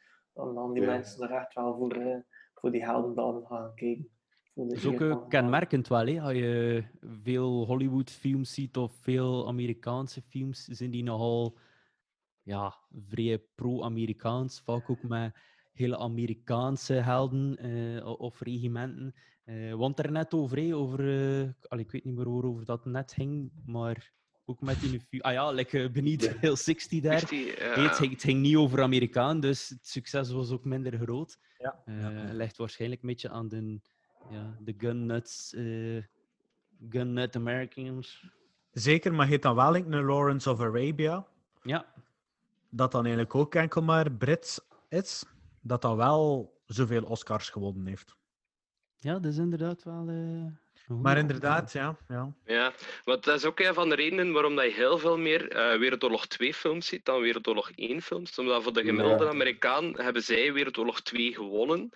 En Wereldoorlog 1, boah, zijn er een of drie aan meegedaan, voor de fun, voor de leuten. Maar eigenlijk, allee, maar als je het puur historisch bekijkt, is het eigenlijk omgekeerd. Omdat eigenlijk de inbreng van verse Amerikaanse troepen heeft er eigenlijk voor gezorgd dat er Ja. rapper doorgebroken is geweest op, op, op het, ja, met de trenches. Terwijl in Wereldoorlog 2, dat ze eigenlijk veel te danken hebben aan de rusten. Maar ja, dat doet een Amerikaan natuurlijk niet graag. Ja, nee. Ehm, dus ja. Ja, ja, dat inderdaad. Ik heb ook wel research gedaan en dat kwam er inderdaad wel in voor. Oké, dus dat patriotisme en eh, inderdaad dat de, ja, dat de Amerikanen vaak wel dingen vertellen waarin dat ze zouden eh, ja, de held zijn, niet? Of, eh, of zo gezegd de winnaar van de oorlog, of de winnaar van de oorlog. Winnaar, dat is Dana. hè. Ja. Alright. Zit er nog eh dingen die het zo kunnen verklaren? Bij mij was het vooral mijn eigen familiegeschiedenis. Allee, dat klinkt nu stom, want allee, dat is zo raar gezegd, maar mijn overgrootvader heeft meegevochten in de Eerste Wereldoorlog als Belgische soldaat. En die is exact dag op dag 100 jaar voor mij geboren. Dus die is geboren op 14 september 1889 En ik ben geboren op 14 september 1989. Oeh, Chance dat ik dat niet omgekeerd gezegd anders was er iets raars aan de hand. Ehm, maar ik, allee, dat hangt, kunt dat hier nu niet zien, maar die hangt hier aan mijn muur. Ehm, dat is zo'n overwinningsplaquette. Eh, ik wil er daar wel een, een foto van doorsturen. Ehm, ja. En dat is zo wat, wat getriggerd van, huh, wat is er hier allemaal gebeurd? Ik kom ook uit Wevelgem en Bram had het er juist over de vier begraafplaatsen van de Duitsers. De grens tussen Wevelgem en Menen ligt het grootste, eh, de grootste begraafplaats. Allee, toch, toch, ja, toch eh, in numerieke waarde. Dus allee, dat, dat triggerde zo een beetje. En ik ben also wel een nerd geweest op dat vlak. Ehm, dat triggert dat wat voor dat eh, verder te onderzoeken. Dus, dus allee, ja, vooral ook omdat het is in eigen streek gebeurd. Allee, bedoel, van allemaal waar wij wonen, dus nou, passen al ver is daar rijden. Voor mij nu een kwartiertje, voor Elder een half uur, drie Een kwartier. Allee, dat, is, dat is gek. Of een uur, ja.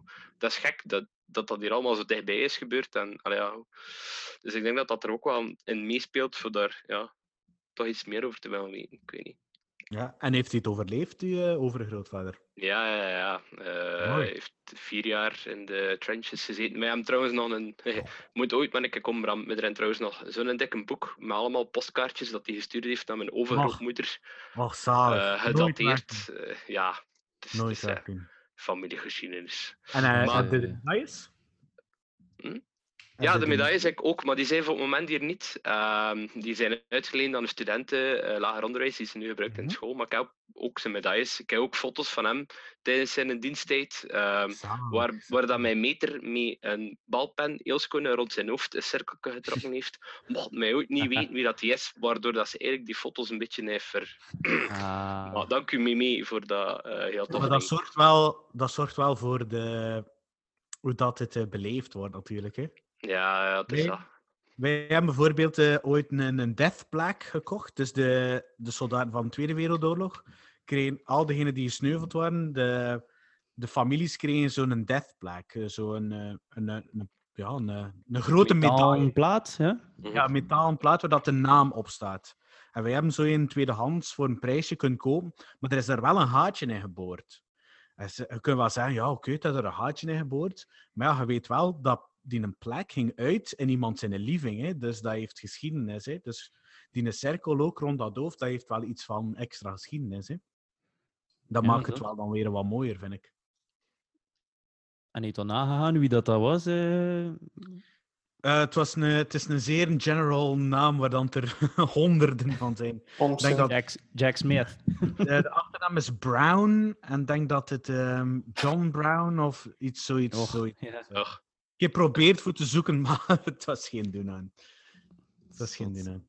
Zot, zot, zot, zot. Ik, ik zit eigenlijk zelf hier op iets te kijken. Nu gaan we het zien, nu gaan we het zien. Laat het niet vallen, hè, Bram. Minder interessant, minder interessant voor de luisteraars, maar hier zie je, dat is eh, Helena's trophy dingske. Hier zie je, dat is haar verple- zij is zot van verpleegstertjes. En dat zijn hier eh, Zalig. van verpleegsters in de Eerste Wereld. Ah ja, oké. ja. Dat zijn, zijn hier allemaal dingen. Dat zijn eh, de, ehm, de Victory Medal en de Britse medaille van een verpleegster. Dat is haar, eh, haar embleem. Het is niet echt een medaille, maar van haar regiment. Dat is een, een armband, zoals dat je ziet. Dat is van eh, het Rode Kruis. En dan nog wat sweetheart brooches van van regimentjes. Dat is haar eh, treasure. Nice. En ook eh, plaatjes, eh name tags, dog tags. Ja. Daar wordt er eigenlijk niet zo heel veel films en series over gemaakt, hè? Over eh, zo de vrouwelijke kant van... eh, Maar in die, eh, in die Vlaamse Band of Brothers. Ja, Vlaamse verhalen, hè. Vlaamse Vlaamse verhalen, ja, ja, ja. Daar is dat wel goed in het licht te komen, eigenlijk. Hè? Ja. En in, eh, denk ik, in eh, Band of Brothers zit er toch ook eh, een groot deel in, zit- hè, waarin dat Ja, ja, heel snel naar die kerk In die gaan. kerk, hè, ja. dan. Ja, ja, ja, ja, ja. Maar Oké. Florence Nightingale is de be- beroemdste Britse verpleegkundige. Die heeft nu wel wat een munt of zo. En twa. Eh, dat begint nu wel wat te komen, zo die erkenning daarvoor. Ja, ja, ja. Ik weet nog, een paar jaar geleden ben ik ook naar het museum in Nieuwpoort geweest. eh, dus waar het standbeeld van Albert I staat. Eh, trouwens, een heel mooi museum. Eh, onder het standbeeld is dat heel mooi uitgewerkt. museum over ja, de Eerste Wereldoorlog en het gebruik van de sluizen en zo. Ehm, en daar was er toen ook een, een, een tijdelijke exhibitie bezig over de verpleegsters in de Wer- Wereldoorlog 1. Maar dus, ja, ik weet niet of dat, dat er nu nog zit, maar zeker een keer gaan. Wij hebben een paar series van eh, verpleegsters. eh Anzac Girls is één over eh, de verpleegsters in de Eerste Wereldoorlog. Alright. Vooral Anzac is Australian en New Zealand Army Corps. Ah, ja, ja, ja. ja. En Crimson Fields is, is ook een BBC-serie, dacht ik. Ah, ja. Van, van verpleegsters. Wat ook wel nog, ook wel nog een schoon was. Maar echt typisch verpleegstertjes. toestanden. Oké, fotootje van Trekken Bram op de Instagram plaatsen. Hoorde nice. Florence Nightingale, maar ik weet niet of dan die, die echt nog in de Eerste Wereldoorlog was. Die was er net voor en die heeft, alle, die heeft eigenlijk het leger, hospitaal een beetje op punt gezet wel. En voorzichtig zijn als je Florence Nightingale vermeldt, want Helena is eh aangetrouwde familie van eh, Florence Nightingale. Daar stoeft ze graag mee. Crazy. Zeggen, ja, maar dat is familie, hè? Ik zeg, Ja, dat is wel... eh, trouwens. Het is wel een heel andere beleving. Hè? Eh, ik denk dat ik dat wel mag zeggen, dat Helena dus eh, half Brits is. Ehm, dus zij beleven dat ook heel wat anders. Ik weet ook dat we hadden ook een, een maat in, eh, in, in het hoger, eh eh, Brennan, eh, was eh, ook half Brits. Eh, die had ook, kon eigenlijk van heel zijn familie, van iedere oorlog dat er ooit geweest was, sinds de Eerste Wereldoorlog, dacht ik, kon hij ook eh, telkens opnoemen van ah, mijn onkel heeft daar gevochten, mijn gro- overgrootvader daar, grootvader daar, mijn neef eh, vecht in Afghanistan. Allee, dus die beleven dat er ook heel het respect is intenser. veel, eh, Ja. veel groter. De bussen Denk- die hier naartoe komen in Ieper eh, van de Britten is gigantisch veel. Ja. Zoals bij Helena ligt er een familielid begraven op Leissentoek in Poperingen, in een van de tweede grootste begraafplaatsen in België. Ja. En eh, ja, die ligt daar begraven. En dan nog een ander familielid ligt ergens in Frankrijk, in. Pomerui. Die zat in de Machine Gun Corps, de, ook wat dat de Suicide Squad genoemd werd. En eh, die is maar een paar dagen voor het einde, of ik denk een maandje voor het einde van de Eerste Wereldoorlog gesneuveld geweest in een Shell battle. Ja.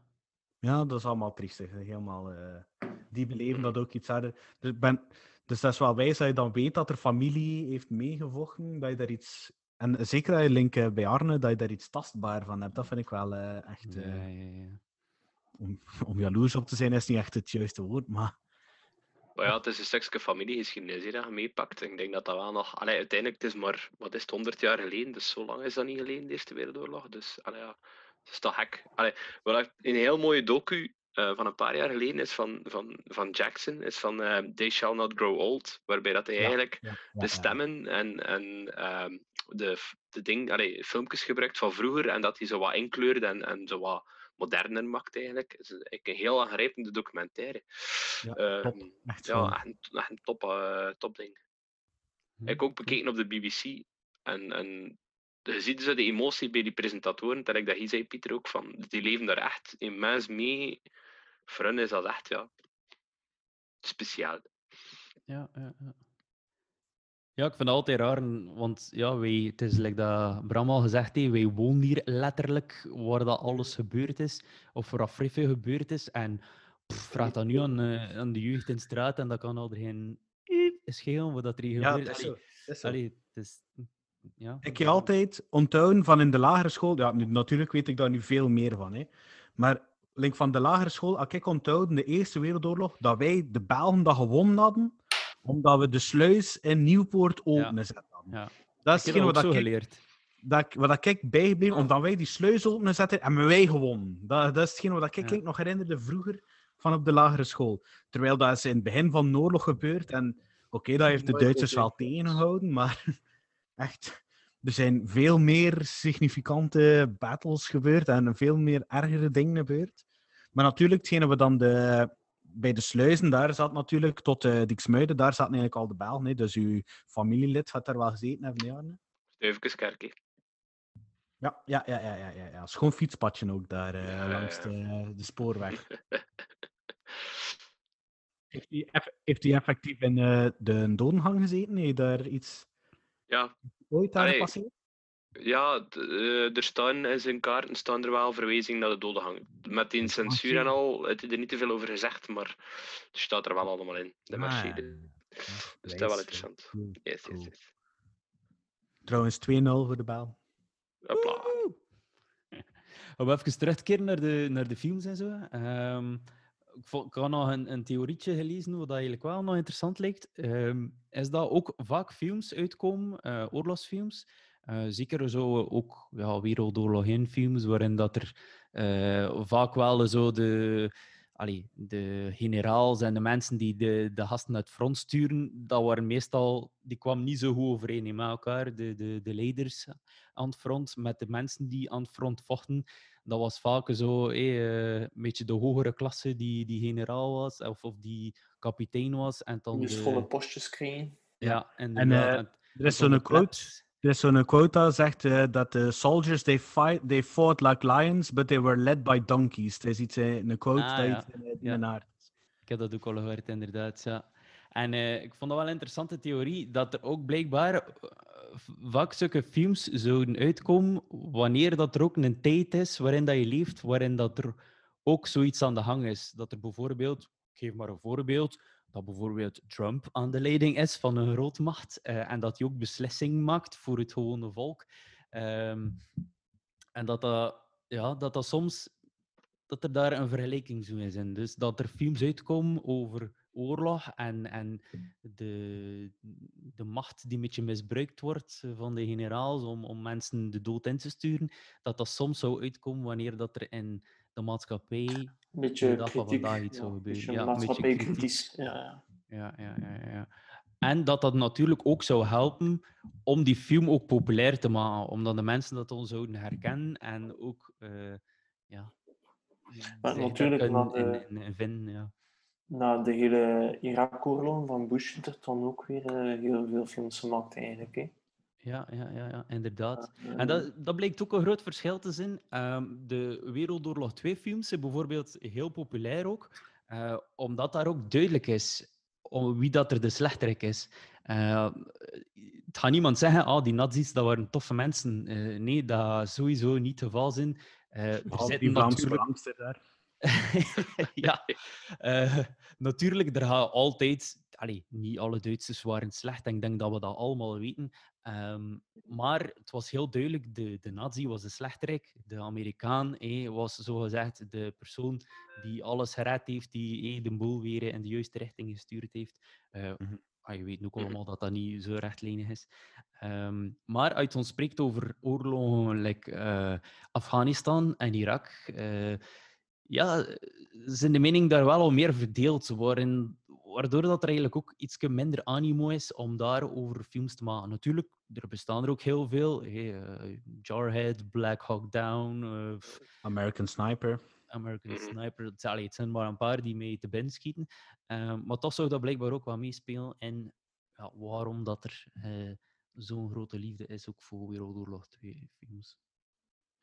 Daarom dat je heel weinig films ziet over de Korea-oorlog, bijvoorbeeld. Ja. Daar is het niet, ja, niet duidelijk wie er echt eh, de goede kant of de slechte kant was. Hè. Vietnam is ook heel lang een taboe geweest. Ehm Ja. dat is toch wel wat veranderd. eh, Halverwege de jaren 80, eind jaren 80, begin jaren 90 zijn er een paar films uitgekomen erover. Maar eigenlijk, zoveel goede Vietnamfilms zijn er niet. Allee. Ze hebben ook niet, ze hebben ook niet gewonnen, hè. En wij ja, dus... eh, ook eh, de, de algemene teneur bij de bevolking in die tijden, ook in de Vietnamoorlog, was ja, de helft van de bevolking van Amerika was gewoon tegen.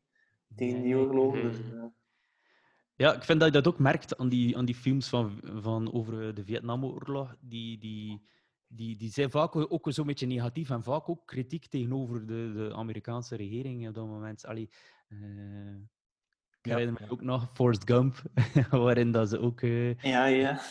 tegen de Vietnamoorlog eh, eh, protesteerden. En dat hij hem daarin zat, dat hij dan ook een speech heeft voor de oorlog, terwijl dat hij eigenlijk totaal niet weet over wat dat hij of waar- waarover dat hij het moet. Eh, dat is wel best erop.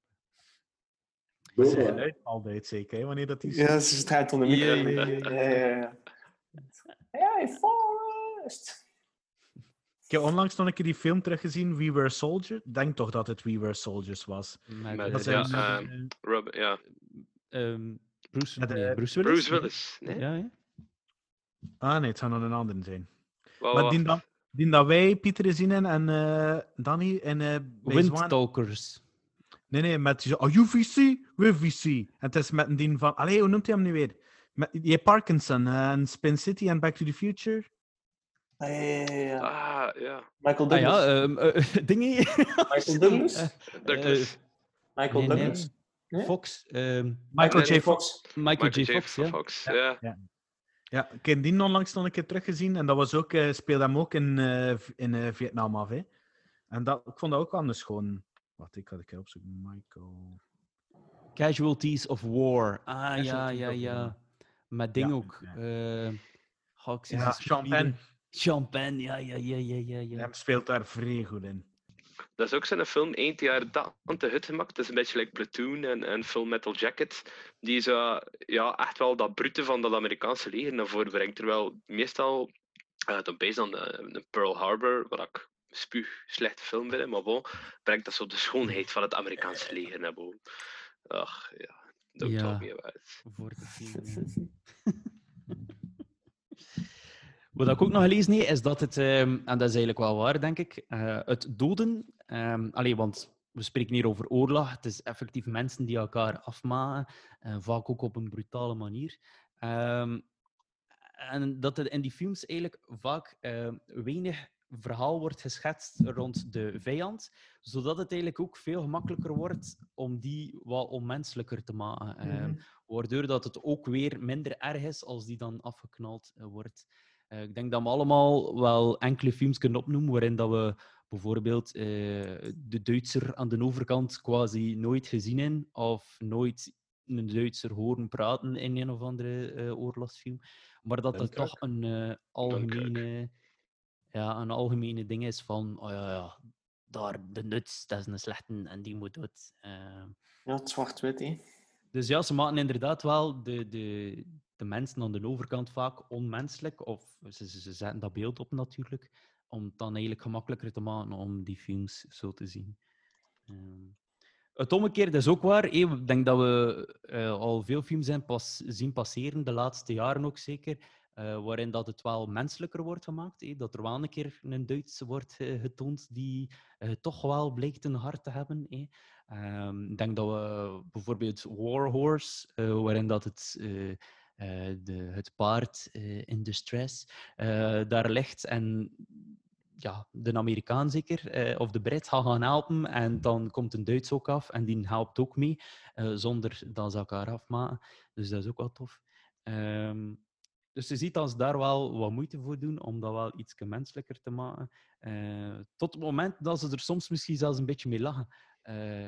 Ik heb Jojo Rabbit nog niet gezien, maar blijkbaar eh, lachen ze daar wel een beetje met feit dat er eh, om de haverklap Heil Hitler wordt gezegd. Ja, ja, Eh, ja. omdat, Dat er, eh, omdat dat eh, ja, de tendens was eh, toen. Of oh, dat was gewoon een noodzaak toen. Als je iemand zag van eh, ja, de, het Duitse leger, moest je, of, of zelfs niet, gewoon een Duitse, moest je constant Heil Hitler tegen elkaar zeggen. Ik denk dat er op een bepaalde scène dat er zeker een 36-tal keer Heil Hitler gezegd wordt in een paar, in een paar seconden tijd eigenlijk. Omdat ze heel de tijd tegen elkaar Heil Hitler, Heil Hitler zeggen.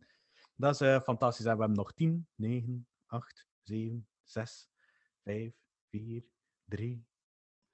Ja, over eh, Jojo Rabbit daar. Allee, het feit dat ze zo vaak eh, ja, Heil Hitler eh, erin in verwerken en zo, blijkt ook een beetje een ding te zijn van ja, dat ook niet iedereen altijd het eens was met alles wat dat ja, voorop werd gesteld door, eh, door Hitler en door allee, dat regime in die tijd. Ehm, je ziet dat ook in, Band of Brothers en zo, dat ook niet al die Duitsers altijd eh, akkoord zijn met alle zaken die gaan opgelegd worden. Eh, en daar zeg ik het ook, hé, opgelegd worden. Ik denk dat er heel veel eh, Duitse soldaten en, en de Duitse bevolking ook eh, gewoon ja, een beetje in die positie waren gedrukt, eh, zonder dat ze dat zelf wilden. Maar natuurlijk, ja, eh, als ze het tegendeel bewezen of het tegendeel deden, dan ze er wel... eh, ja. Tuurlijk. En, en ook eh Britten eigenlijk. hè. Je hoort soms eh, verhalen van in de eerste, en zeker waarschijnlijk ook in de tweede, van soldaten die zeggen, ja, ik schoot naar mensen, schoot ik gewoon naar de benen.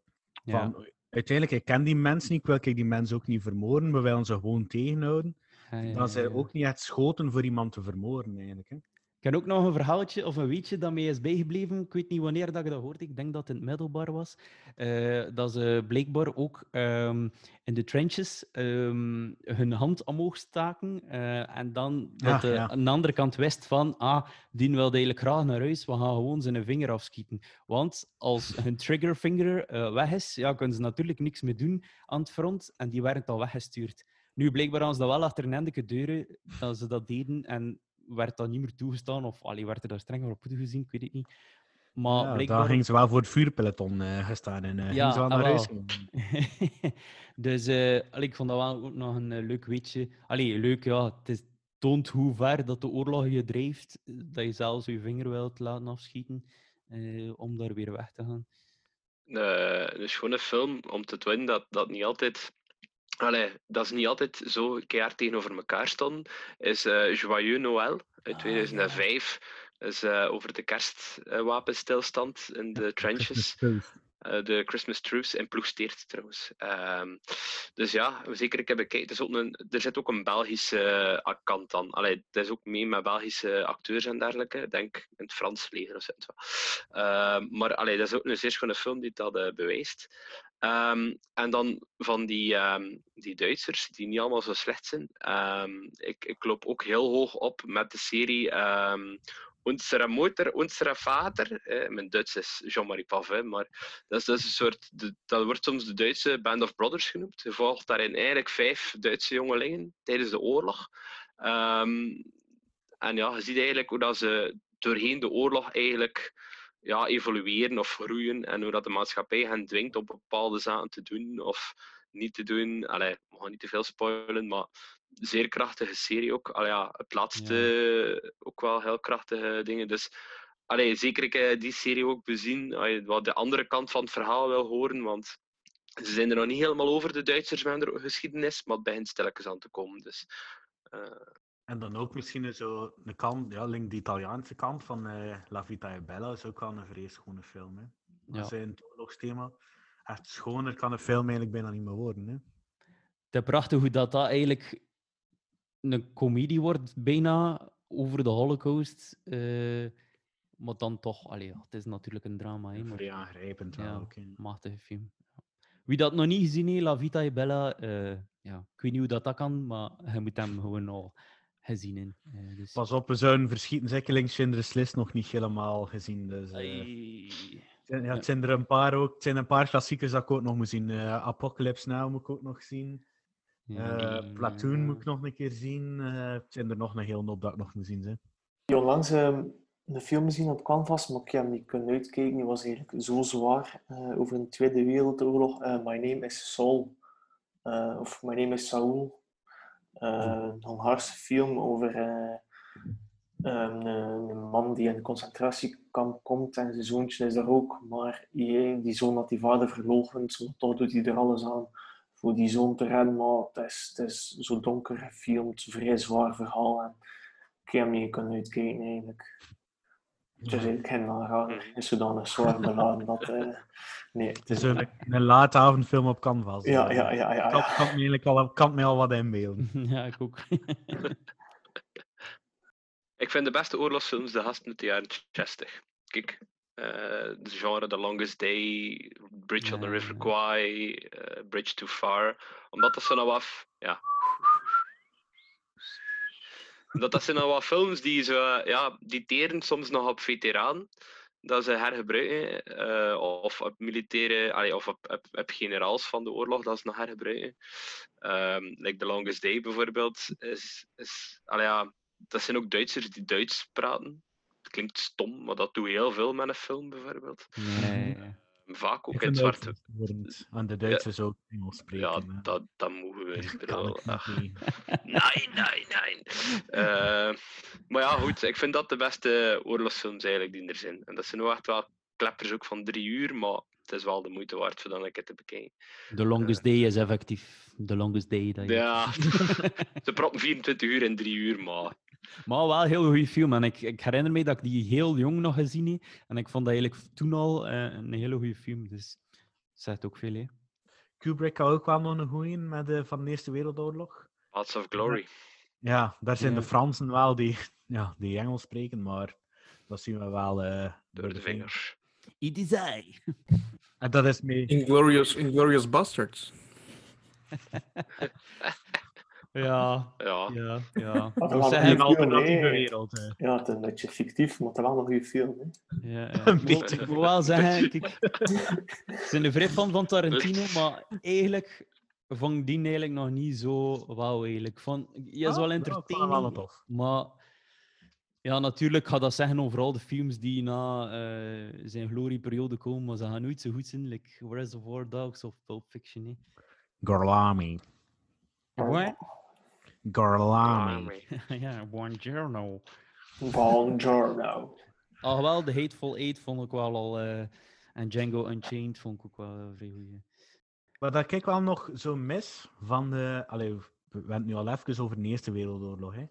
Is zo een, een goed verhaal, gelijk Band of Brothers. Link, allee, ik zeg nu wel Link 1917, een vrij goede film, maar je leert er eigenlijk niet echt iets bij van de Eerste Wereldoorlog. Het is zo geen slag, geen battle waar dat er wat uitleg gegeven wordt. Dat, dat ontbreekt wel, Link. Een Dunkirk, ja, dat is duidelijk. eh, de, het leger moet weg van de stranden. Dat is een onderdeel daarvan.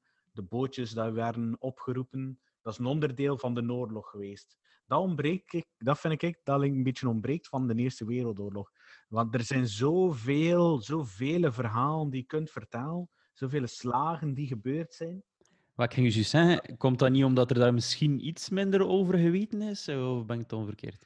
Ja, ik denk dat dat dan weer misschien die Amerikaanse invloed is, hè? dan de Amerikanen daar niet Ah, echt. eh, Zijn het, geprobeerd, zijn het geprobeerd met Passchendaele? Dat was een Ja. film een paar jaar geleden over de slag rond Passendale, maar dat, dat is ook niet dat is. Ja, Nee, dat is, nee, moet, er, je moet er dan weer een liefdesverhaal, ze poepen aan de frontlinie. Allee, ja, dit, dit, dat en niet is. Ja.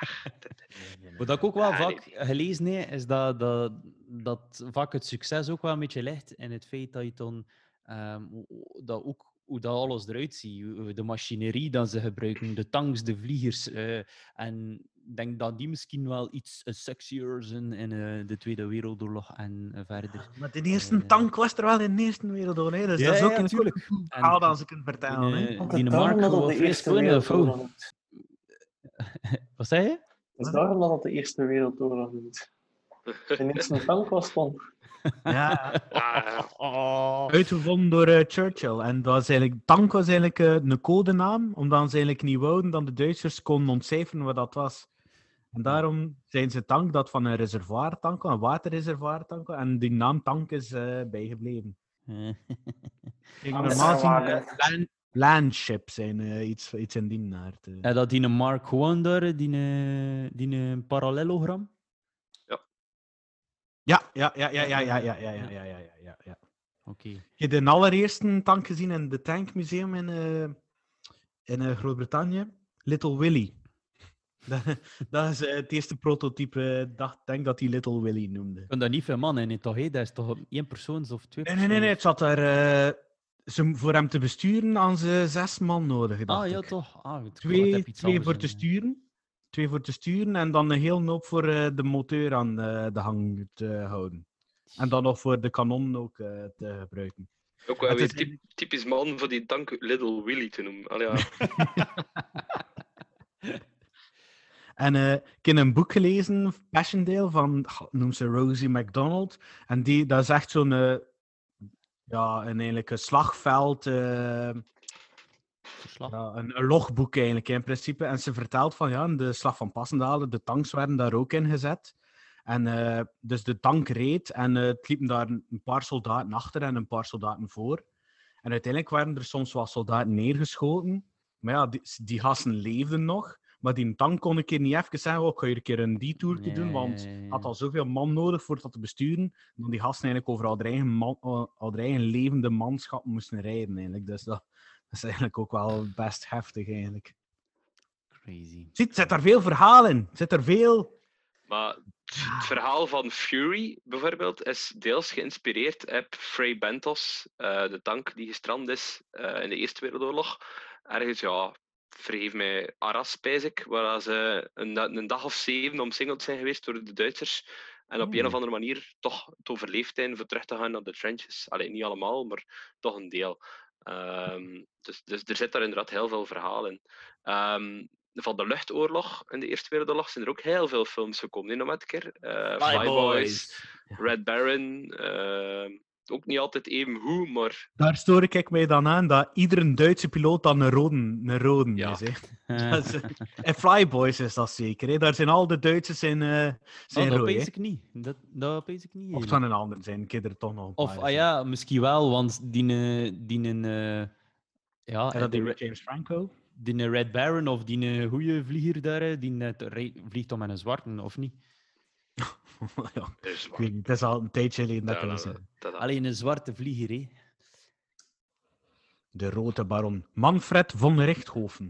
Een eh beetje. Alright. Ja, had eh, 80, eh, ik denk dat eh, de soldaat, de vliegtuigman was die de meeste Britse, allee, ja, de Commonwealth eh, slachtoffers mag, denk dat hij er 80 neergeschoten heeft. Amai, amai, ja. Voordat hij uiteindelijk zelf eh, neergeschoten geweest is. En eh hij is dan neergestort tegen, of hij is een paar keer geraakt geweest. Hij heeft zijn vliegtuig nog redelijk goed kunnen neerzetten, maar een boel wat toch kapot. Hè. Je heeft dan nog iets gezegd en je is dan met full military honor door de Britten nog begraven geweest. Mooi. Zot. Ik heb, ik heb gezegd, het is eh, niet de Red Baron en Flyboys, het is eh, de Black Falcon, blijkbaar. E- En daardoor ook ja, een zwarte vlieger. Maar ja, het zou wel kunnen dat er dan veel rode En dan de rest zijn rode waarschijnlijk. Ja, zal dat zou wel kunnen. Ja. Ja, ik weet dat we nog uren kunnen doorgaan, maar eh, misschien moeten we het eh ver een keer lam leggen. Ja, ja, ja. ja, ja. Dat we naar de nacht kunnen gaan kijken. Het is dat, het is dat. Ja, gewoon een war special. En hier was die, hè, mannen. Kom aan, hè. Het was gewoon eens, hè. ja, maar ik ging niet komen voor minder of drie uur. Hè. Ik bedoel... Allee, voilà, voilà. Ah ja, oei. Alright, maar ehm, ik weet niet of dat Danny nog iets te vertellen heeft. Nee, direct, niet direct. Het zal voor de volgende aflevering zijn. Alright. Eh, Jonas? Nee.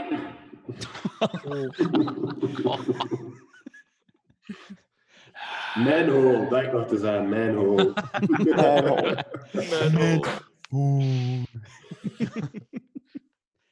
Alright, Steen?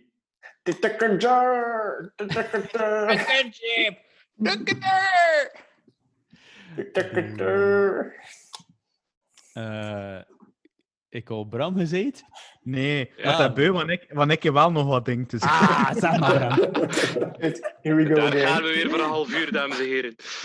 Ik heb een hoop series gezien de laatste tijd. Eh, ik heb, eh, we hebben eindelijk eh, ja, twee weken vakantie gehad. Hè. La Revolution hebben we uitgekeken. Ik geef dat drie sterk, drie ratings, eh, drie raten op vijf. Tof dat een keer iets anders was in het Frans. Voor de rest een vrij voorspelbaar verhaaltje. We hebben Barbaren gezien. Ik vond dat vrij wijs dat de Barbaren Duits spraken en de Romeinen Latijn spraken. Of iets zodat er moest op. Het Barbaren heb ik ook gezien, ja. en ik geef dat toch ook... Allee, het was ook vrij voorspelbaar wat dat er allemaal ging gebeuren. Hè. Maar als gewoon meisje dat erin meedeed, ik geef het toch ook... Ja, Eh, ik geef het toch ook drie reetjes. En, eh, en sinds vandaag is The Crown uit, seizoen 4. En we zitten al vijf afleveringen ver. Kunt dat En, niet eh, zo wat minder so far- hè? Oh, so far so good. Je kunt Ik dat Thatcher, wel. Thatcher toch niet zo goed neergezet geweest, is zeker? Wat is eh, Scully speelt eh, Thatcher. Het is een beetje raar, maar, maar ze doet dat eigenlijk wel. Ik vind het eigenlijk wel nog goed meevallen. Het is een beetje ja. over de top, maar ça va nog. Ah, dacht, dacht ik hoorde uh, dat ze liever de Thatcher hadden gehad van in haar beginjaren. En dat ze like, meer acteerde, like, dat ze al ouder was en rustiger was. Ah ja, ja. Ah ja, dat ze misschien wat minder heftig was dan Ja, ja, begin. ja, ja, ja, ja. Ja, ze geven wel, in het begin geven ze wel die een indruk, zo, dat ze eh, feisty is. Maar, va. Ja, so far so good. Ik amuseer mij daar wel in. Alright. En eh, als je echt eh, als je The Crown wilt, maar een paar honderd jaar geleden is The Tudors ook een, een goede aanrader. Zal ik ook graag over mijn favoriete koning, King Henry VIII. Wat dan die maal Zes. zijn bitches. Met zes vrouwtjes. Ja. Crazy. Goed, dat was het. En voor de rest, eh, blij dat Biden gewonnen heeft. Ja. Of dat een goeie zal worden. Of dat een goeie zal worden. Of dat hij het overleeft, dat is wat anders. Maar eh, Het kan alles is niet slechter dan eh, Trump, denk ik. Oké, Biden. We'll see by then. Ik heb ook eigenlijk medelijden nu dat ik er zit aan het pezen aan Prins Charles. Allee, ja, zijn moeder is al, pff, hoe oud is dat, 95 jaar. En hemzelf is al 72, ze noemen hem de Eternal Prince. Die gast zit al heel zijn leven te wachten voor koning te worden. Hè. Voor hetzelfde geld overleeft happen. Dat is echt, echt zielig voor de jong. Je gaat gewoon doodgaan op zijn bekroning. En, en weten, de Queen Mother is ook onder de 10 geworden of zo. hè. Bij wijze van spreken, die is ook gigantisch oud geworden. Dus eh, Elizabeth, Yeah. is die wel nog een paar uur te gaan. Eh, paar-. Oh my, Ja, maar 2020 hetzelfde zou geld wel... versterken eh, hier, 2020 zou mij een bang zo met- Stel je voor Ja, dat ze nu dan vannacht nog, dood gaat. Het kan, hè. Hey, Het nog, eh, You heard it here first! Zalig. Die 20 is nog niet gedaan, hè? Dat gaat, dat gaat wat zijn, zijn Groot-Brittannië die doodgaat. Oh Man, man, man.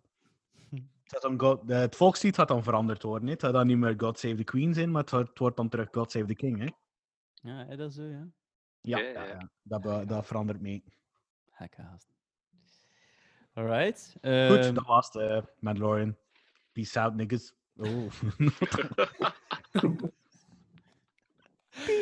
Arne, heb je nog iets te vertellen? Nee, merci dat ik er nog een keer kon bij zijn. Ik ga proberen met de, Queen, de Queen's Gambit te starten, maar ik weet niet of dat, dat eh, al voor de... Het schijnt dat het vrij goed is, dus ik zie er wel naar uit. Ik kan er ook al eh, vrij veel eh, van horen zeggen dat eh, het Ja. echt wel goed is. Ja. Maar die herwezen klopt niet, hè? Het is verkeerd met dat mens herwezen. Maar Ze staan veel te ver van elkaar. Dat was mijn, eh, laat ons zeggen, varia, eh, was dat je zeker een keer moet naar de Queen's Gambit kijken. Ehm we drent, eh allee, Magali en ik hebben het uitgekeken in ja, minder dan een week, denk ik, wat dat voor Magali standaard heel snel is. Ehm, dus allee, absoluut zeker een aanrader. Het is echt een goed verhaal. Toch. Het is eigenlijk niet zo spectaculair. Het gaat over schaten, dus ik bedoel niet de meest waanzinnige sport. Ehm, en er, allee, het is op zich niet zo een eh, catchy serie, maar toch sleurt het je mee van begin tot einde. Ehm de het mens waarover dat je dat, Bram, eh, met daar verkeerd wezen, ehm, speelt ook wel steengoed. Ehm ja, van begin tot einde van de serie zie je ze ook evolueren. En het is echt wel een hele goede actrice in die... eh, Het is iets evolueren naar een vis. Naar een Magikarp. Het is ook een hele mooie... Korp. Het is ook een hele mooie setting. Dus eh, alles is heel mooi in, eh, in zijn tijd geplaatst. Ehm, alles is echt, al de auto's, eh, gebouwen, hoe dat eruit zag in eh, de Sovjet-Unie eh, op dat moment, eh, in Amerika, in Europa. Het is echt heel goed gemaakt. Ehm, dus zeker kijken. En voor de rest. Ik weet niet of de Arne nog iets eh, anders nog te vertellen had. Bij dat ik Pokémon de eerste movie heb bekeken vanavond. Ik weet het niet. Ik heb er opeens goed in. Ah, ik, wil, ik wil schreeuwen. Eh? Detective. Ah, nee, niet Detective Pikachu. Die was, die was slecht. Die was ongelooflijk slecht. Ik ga een beetje gaan schreeuwen, ik ga een beetje gaan schreeuwen dat Pikachu sterft. Ja, spoilers. Ah, spoiler. Ah. Maar het komt alweer goed door, Pieter. Het is film. Het is film. Het is niet echt. Dus daar heeft hem weer wat schokjes bij, waardoor dat hij weer leeft dan. Weer Pika! Clear! En dan hij clear en toen bedoem. Goed, en wel maar kijk, we gaan er hier ook eh, de stekker uittrekken, zou ik zeggen. Ehm Dit was de Clever Girl Raptors. Wat tot de volgende keer. Bye bye. Bye. Bye. Bye. Wow.